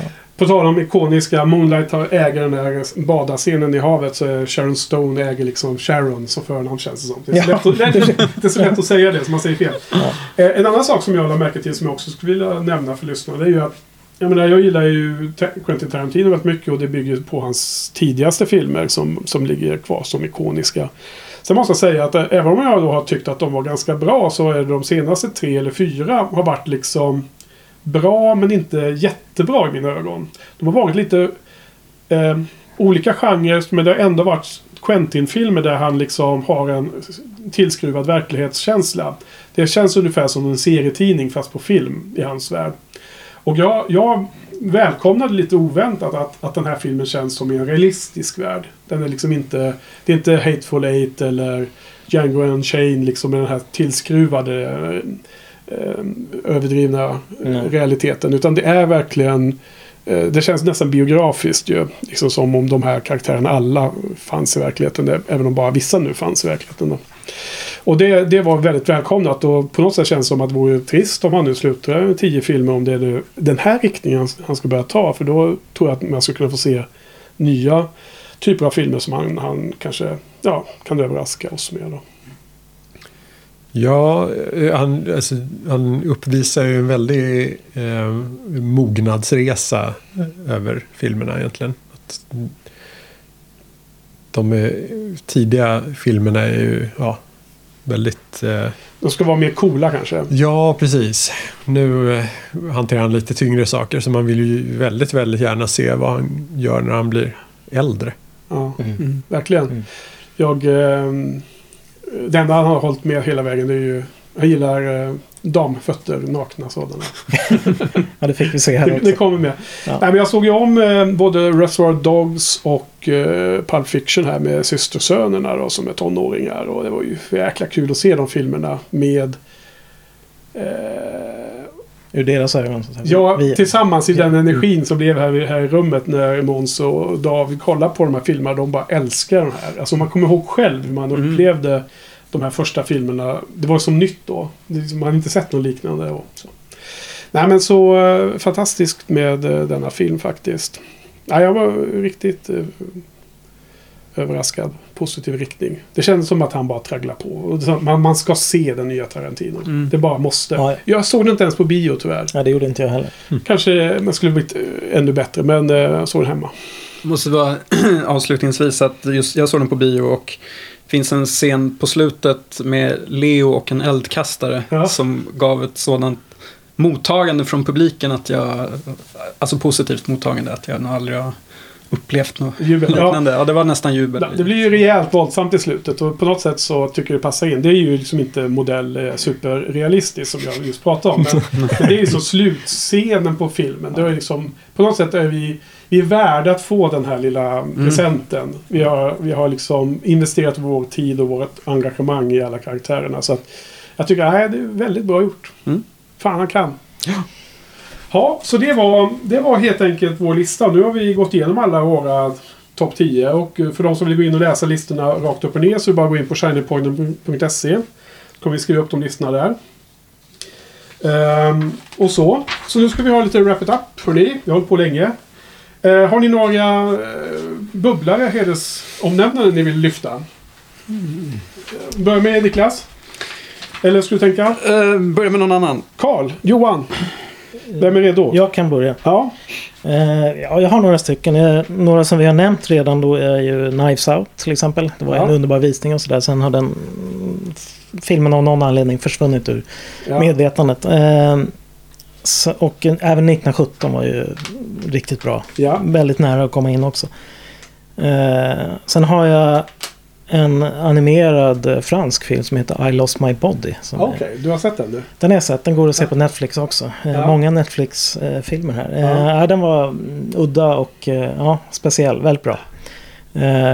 Sen den här filmen med den långa titeln The Last Black Man in San Francisco tyckte jag också var riktigt bra. Mm, den gillade jag också. Ja, härlig stämning och Mm. Bara stämning, inget annat. mycket stämning. Om man inte gillar den stämningen så är det svårt att gilla den. Eh, sen eh, hittade jag en liten oväntad sci-fi-rulle som heter Code 8. Okej. som jag kan rekommendera. Handlar om... Eh, man kan säga att det är en sorts X-Men fast mer realistiskt då. Och hur det verkligen blir liksom. De är liksom inte superhjältar utan de försöker leva i samhället. Det kanske låter lite trist och lite pretto och så. Men den var riktigt bra. Eh, Och slutligen Ford vs Ferrari som jag såg för ett tag sedan. Eh, Det var en mycket bättre film än jag hade förväntat mig. Jag hade tänkt någon ny Rush eller något sånt där som inte jag alls gillade. Men det här, den var, den var... Det handlar mycket om eh, hur det funkar i företag. Jag drog paralleller till, till mitt eget jobb och hur, det- hur det funkar med chefer som vill ha saker och inte fattar. Och, ja, den var härlig. Nice. Riktigt schyssta miljöer och motorljud och i Le Mans där i slutet. Så att, Mm. mm. Carl, några bubblare? Ja, som jag nämnde förut så eh, hade jag helt glömt bort eh, att ens överväga eh, La Belle Époque. Just det. Eh, härlig fransk eh, relationsfilm om eh, ett gammalt gift par som eh, ehm, faller ihop. Eh, Ja. Och eh, Mycket det- det är no- problem med nostalgiskt. relationer är din på din lista. ja, Daniel Auteuil är med där. Han är riktigt bra. Ja, precis. Ja. Eh, och det, ja, de blickar tillbaka i nostalgiska för Mm. när de först träffades och allting. Den är oerhört välspelad och fin. Mm. Ehm, ja, eh, Om det oändliga. Roy Andersson. Eh, inte hans bästa, men eh, väldigt sevärd. Ja. Eh, Ja, jag Har ju- inte har ju med någon alltid- svensk film eh, i år, men... nej, det här Det var ju så. den enda som var bra. jag Jag tänkte kuppa in en film men jag, jag gjorde inte det. Mm. Aniara. Ja, du är ju okej. svensk eh, filmsexpert. Den är ju egentligen från 2018. Ah, Precis. Men ja. enligt mina regler är det egentligen från 2019. Så. Men jag var... Det var sinnessjukt dåligt år för svensk film. Mm. Efter att ha varit eh, bra de senaste åren. Det har gjorts massvis med bra film, men inte i år. Um, det var bara Roy Andersson och eh, eh, Kokodi Kokoda kanske. Okej. Ehm, First Love. Takashi Miike. Hysteriskt Just rolig, galen. Filmfestivalen. Ja. Eh, väldigt eh, blodig, väldigt rolig. Mm. Ehm, re- ja, rekommenderas. Ja. Ehm, den borde du se. ja. Jag hade ju biljett till den, men det blev inte av på den. Ehm, för där finns Det var ju med noll- producent Johan. Då gick jag Ja, hem den kvällen. just Var det. Du, du Johan stannade va? Noll substans, men eh, rasande tempo. Hysteriskt rolig. Ja, ja. Ehm, eh, också rolig eh, Good Boys. Just det. Om, eh, ja, Den är mycket rolig. Festlig komedi. ja, som en superbad fast med eh, mellanstadieelever. Mm. Den var riktigt festlig faktiskt. Eh, och en liten amerikansk indiepärla, The Climb. Nej. det var på film, filmspanardagen som jag valde den. Jag var besviken på den måste jag säga. Hade, tyckte du om den så mycket? Ja, den var riktigt härlig. Det var en riktig sån eh, en bra indie-film. Mm. Ehm, Typ en sån som du och producent Johan gillar. ja. Jag? Producent Johan och Karl. Ja. ja, precis. Ja, jag, trodde du sa Ja. Ja, jag tittade på dig. Du tittar på mig? Ja, okej. ja. Nej, men det, är- det är fine. Ja, men det är bra att du gillar den. Desto bättre. Och bra val av mig. Den klättrade Precis. inte upp på listan då. Topp 10. Nej, men eh, den var väldigt, väldigt nära egentligen. På min eh, originallista vid årsskiftet så eh, ligger den åtta tror jag. Okej. Ja, något mer då? Nej. Är Nej. jag nöjd. Ska Ja, jag dra? ja. Jag, jag tänker att många av mina bubblare har redan Ja. avhandlats. Jag behöver inte nämna dem. Jag nöjer mig med, med att säga en titel. Och det är do dokumentären Honeyland. Ah, Oh. Den var omtalad. Jag har Ja, inte sett den rackaren. Nordmakedonsk. Ja, Nordmakedonien. Ja, Om eh, någon biodlare. Ja, precis. Eh, ganska kort, så 85 minuter. Men otroligt vacker, otroligt karismatisk eh, huvudperson som vi följer. Eh, flera starka scener. Eh, otroligt sorglig också. Mm. Fin, finns på SVT Play just Ja, precis. Det var där jag såg den. Jag kan tipsa om det. Mm. Ja, jag har ju eh, på mina då eh, Anna, Luc Bessons eh, agentthriller. Väldigt bra. Eh, Jim Jarmusch, eh, Zombie Apocalypse, The Dead Don't Die. Fin film. Eh, American Independent från filmfestivalen som heter The Art of Self-Defense. Mycket eh, underfundig, härlig. Eh, Men har en liten jobbig huvudrollsinnehavare va? Eh, men det är han eh, Jesse Eisenberg. Han är inte jobbig. No. Okej. Tycke och smak. Um, Apollo 11 har vi pratat om. Sen, nummer 16 där. Toy Story 4 måste jag ändå lyfta. Ehm, man ska helt klart se alla fyra filmerna i rad. Eh, jag gillade Toy Story 4 men jag tror att om man har sett de, de tre första precis innan så man verkligen kommer ihåg alla callbacks. Så tror jag att den kan växa jättemycket. Och jag då som inte sett någon, jag ska inte börja med Toy. Story 4. Alltså man trodde ju att trean var slut på serien. Och den var, väl, den var den bästa i trilogin. Och jag var, tyckte att den var svinbra. Den var på min topp 10 i året. Så det har gått jättemånga år. Och eh, fyran tror jag är otroligt bra. Men jag hade ju helt glömt av allt. Så jag såg inte de här kopplingarna. Och det var nog en stor fail. Så jag måste se om detta. Sen tyckte jag även att eh, Spider-Man Far From Home var väldigt bra. Eh, sen Booksmart. Som du nämnde Karl också va? Nej, absolut inte. Nej, det var inte du. Någon annan nämnde den. Jag, jag har sett den. Ja, ne- du nämnde den inte? Nej. Nej, har du nämnt den? Jag har inte nämnt den, men jag tycker Den, den var den bra. har, den har förekommit i, på, i mässdiskussioner och sådär. Ja, just det. Jag, jag nämnde den tidigare. Så var det. Just det. Inte Ja. för att jag tycker den är bra, utan Okej, för att den det. fanns med i tematisk diskussion Okej, okej. förra veckan. Sen har jag med Midsommar, såklart. Och sen får det vara bra där. Mm. Så, ehm, men då ska vi se här. Ehm, hur? Eh, jag tänker i alla fall lägga upp min eh, topplista på min blogg också. Fripps filmrevyer. Och länk till bloggen finns i show notes. Ehm, hur kommer ni göra? Kom, Johan, kommer du? Ja, jag har ju också min blogg då, juvinito.com. Jag har ju fixat egen domän nu också. Så att, Okej, eh, nice. lättare att hitta dit utan Wordpress. eh, eh, adress. Eh, jo, jag kommer också lägga upp. Eh, det blir ett inlägg med typ min, vad kan det bli? Topp 16 kanske det blir. Ja, bra. Jag kommer eh, publicera min topplista samma vecka som det här andra avsnittet publiceras i, på podden i luften. Mm. Samma, samma här. Så vi, vi kör samtidigt ungefär. Ja. Karl, topplistor som du delar med dig av någonstans? Ja, eh, då får man eh, följa mig på Letterboxd. Där heter jag Apan Karl.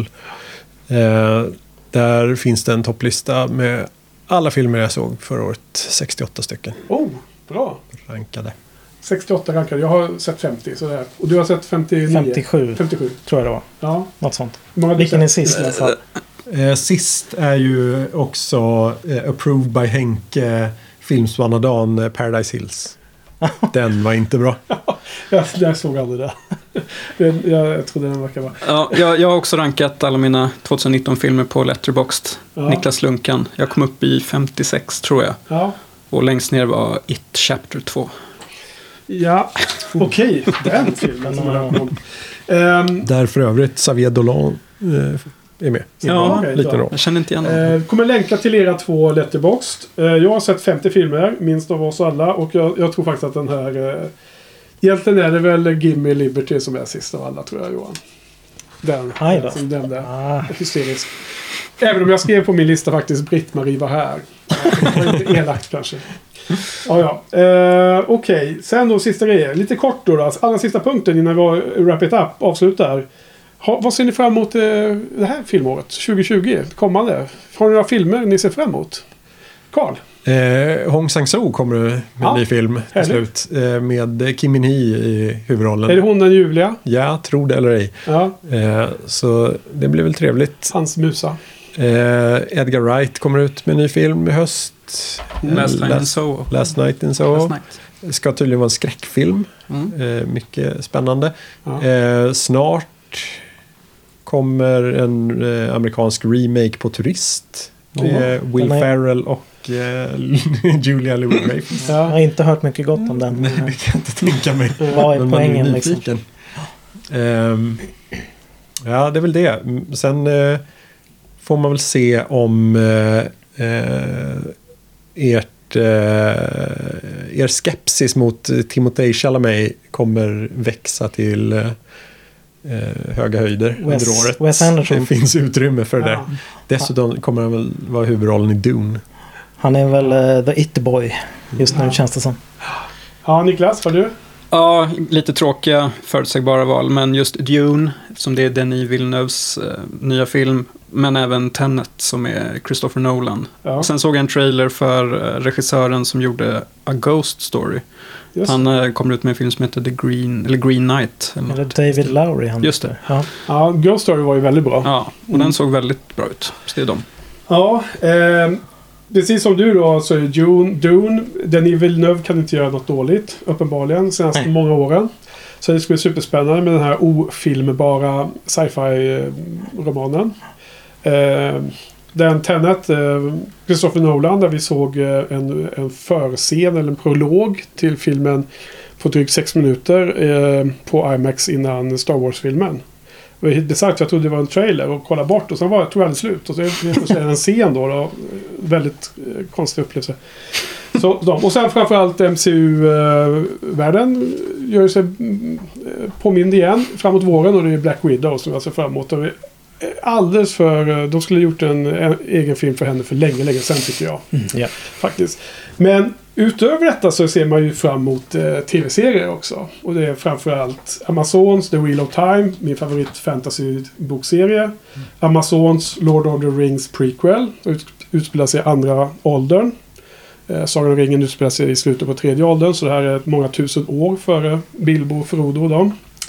Och samt Apple TV Plus som gör en serie på The Foundation. Som är Isaac Asimovs klassiska sci-fi eh, bokserie. The Foundation. Också ofilmbar, så det är väldigt spännande att se. Det är de jag ser fram emot. Johan? Eh, Jag har lite dålig koll får jag lov att säga. Men jag får haka på eh, Niklas där. Tenet. Jag har inte sett någon trailer, ingenting. Inga, ingen prologscener. Men det är liksom Christopher Nolan och någon typ av sci-fi agent story. Så det är ju bara... Och sen framförallt Dune. Uh, Villeneuve, han är ju... Jag tror han är min favoritregissör just Ja. nu. Så att där, Det kan jag skriva under på. David Lynch gjorde ett försök på 80-talet. Ja, Med- med, Dune. pajig som fan. Ett av fem. Nej, Inte ett av fem är det just det. Är så dåligt. Den är ju så här campy, fan. Ska de inte visa den på Cinemateket eller någonting? De har gjort det, jag såg den. Oh, Den var helt okej. Du skulle ha dragit med mig då. Sting. Med, med lite problematisk akne va? Var inte på sånt. Och apropå tv-serier så hade jag ju sett fram emot eh, den här Stephen King-filmatiseringen av eh, alltså Dark, The Dark Tower-serien på Amazon. Men den konkurrerades ut och, och det blev inget med den. Av då Wheel of Time bland annat. Så De, de gjorde någon pilot men den, eh, den sket sig. Så den, den, jag får nog eh, drömma om det där i evighet. Den kommer nog aldrig bli den kommer aldrig bli lika bra som den är i mitt huvud. Så att, eh, det kanske är lika bra. Mm. Okej, bra. Nu tar jag och knycklar ihop mina papper och kastar dem över axeln. Och tackar så hemskt mycket för de här två specialavsnitten. Tack allihopa. Niklas, Karl, Johan. Supernice. Eh, två långa avsnitt. Hoppas lyssnarna har gillat det här. Det var tre år mellan de här två gångerna. Vi får se om vi kanske ska försöka köra lite oftare. Tycker det får bli en återkommande. Ja, vi kör nästa år igen. Kanske Yes. göra 2017-18 också. Ja, som specialbonusavsnitt. Ja, på allvar. Ja, ja. Det tycker jag. ja jag är med. Ja, le- let's do it. Men eh, också köra på lite. Det, var, det blev någon eh, glitch där, men det var ju kul. Eh, för det är ju lite så här, vi bestämmer datum så får man en liten anledning att se ikapp och kolla igenom. Jag kan ju Och, säga att det gått betydligt snabbare att komma upp till eh, liksom, de antal filmer som jag... Då, nu känner jag att jag är nöjd. ja, Det, förra året var det någon gång i slutet av mars. Liksom. Jag Ja. kände att nu kan jag dra linjen i sanden. Nu, nu är jag klar. Liksom. Så att, ja, och när vi spelade in Bra. det här för tre år sedan, då var det mycket senare på våren. Mm. De har liksom väntat in alla filmer. Men jag tror att det också är eh, förändring i att filmer blir tillgängliga snabbare eh, Ja. i Europa, i Sverige. Antingen på bio eller till och med via Netflix och via streaming och allt vad möjligt. Och, Mm. och, och att det släpps liksom mycket snabbare ut. Och det absolut. välkomnar vi och då kan vi redan nu i, i mitten på februari wrap up. Liksom. Det är svårt att göra det på nyårsafton för att då har vi inte ens fått chans att se vissa filmer från Q4 som är oftast de de satsar på ju, inför Oscarsgalan och allting. Så vad man säger om det? Vi på återseende nästa år för 2020 års. Och så får vi, eh, får vi fylla gapen här med någonting också. Tycker jag. Ja. Okej, men då ska vi tacka Niklas för signaturmelodin som snart ska ljuda. Och så får vi säga tack för ikväll. Har ni några sista ord? Nej. Tack. Tack. Henrik. Eh, tack till lyssnarna. På återhörande.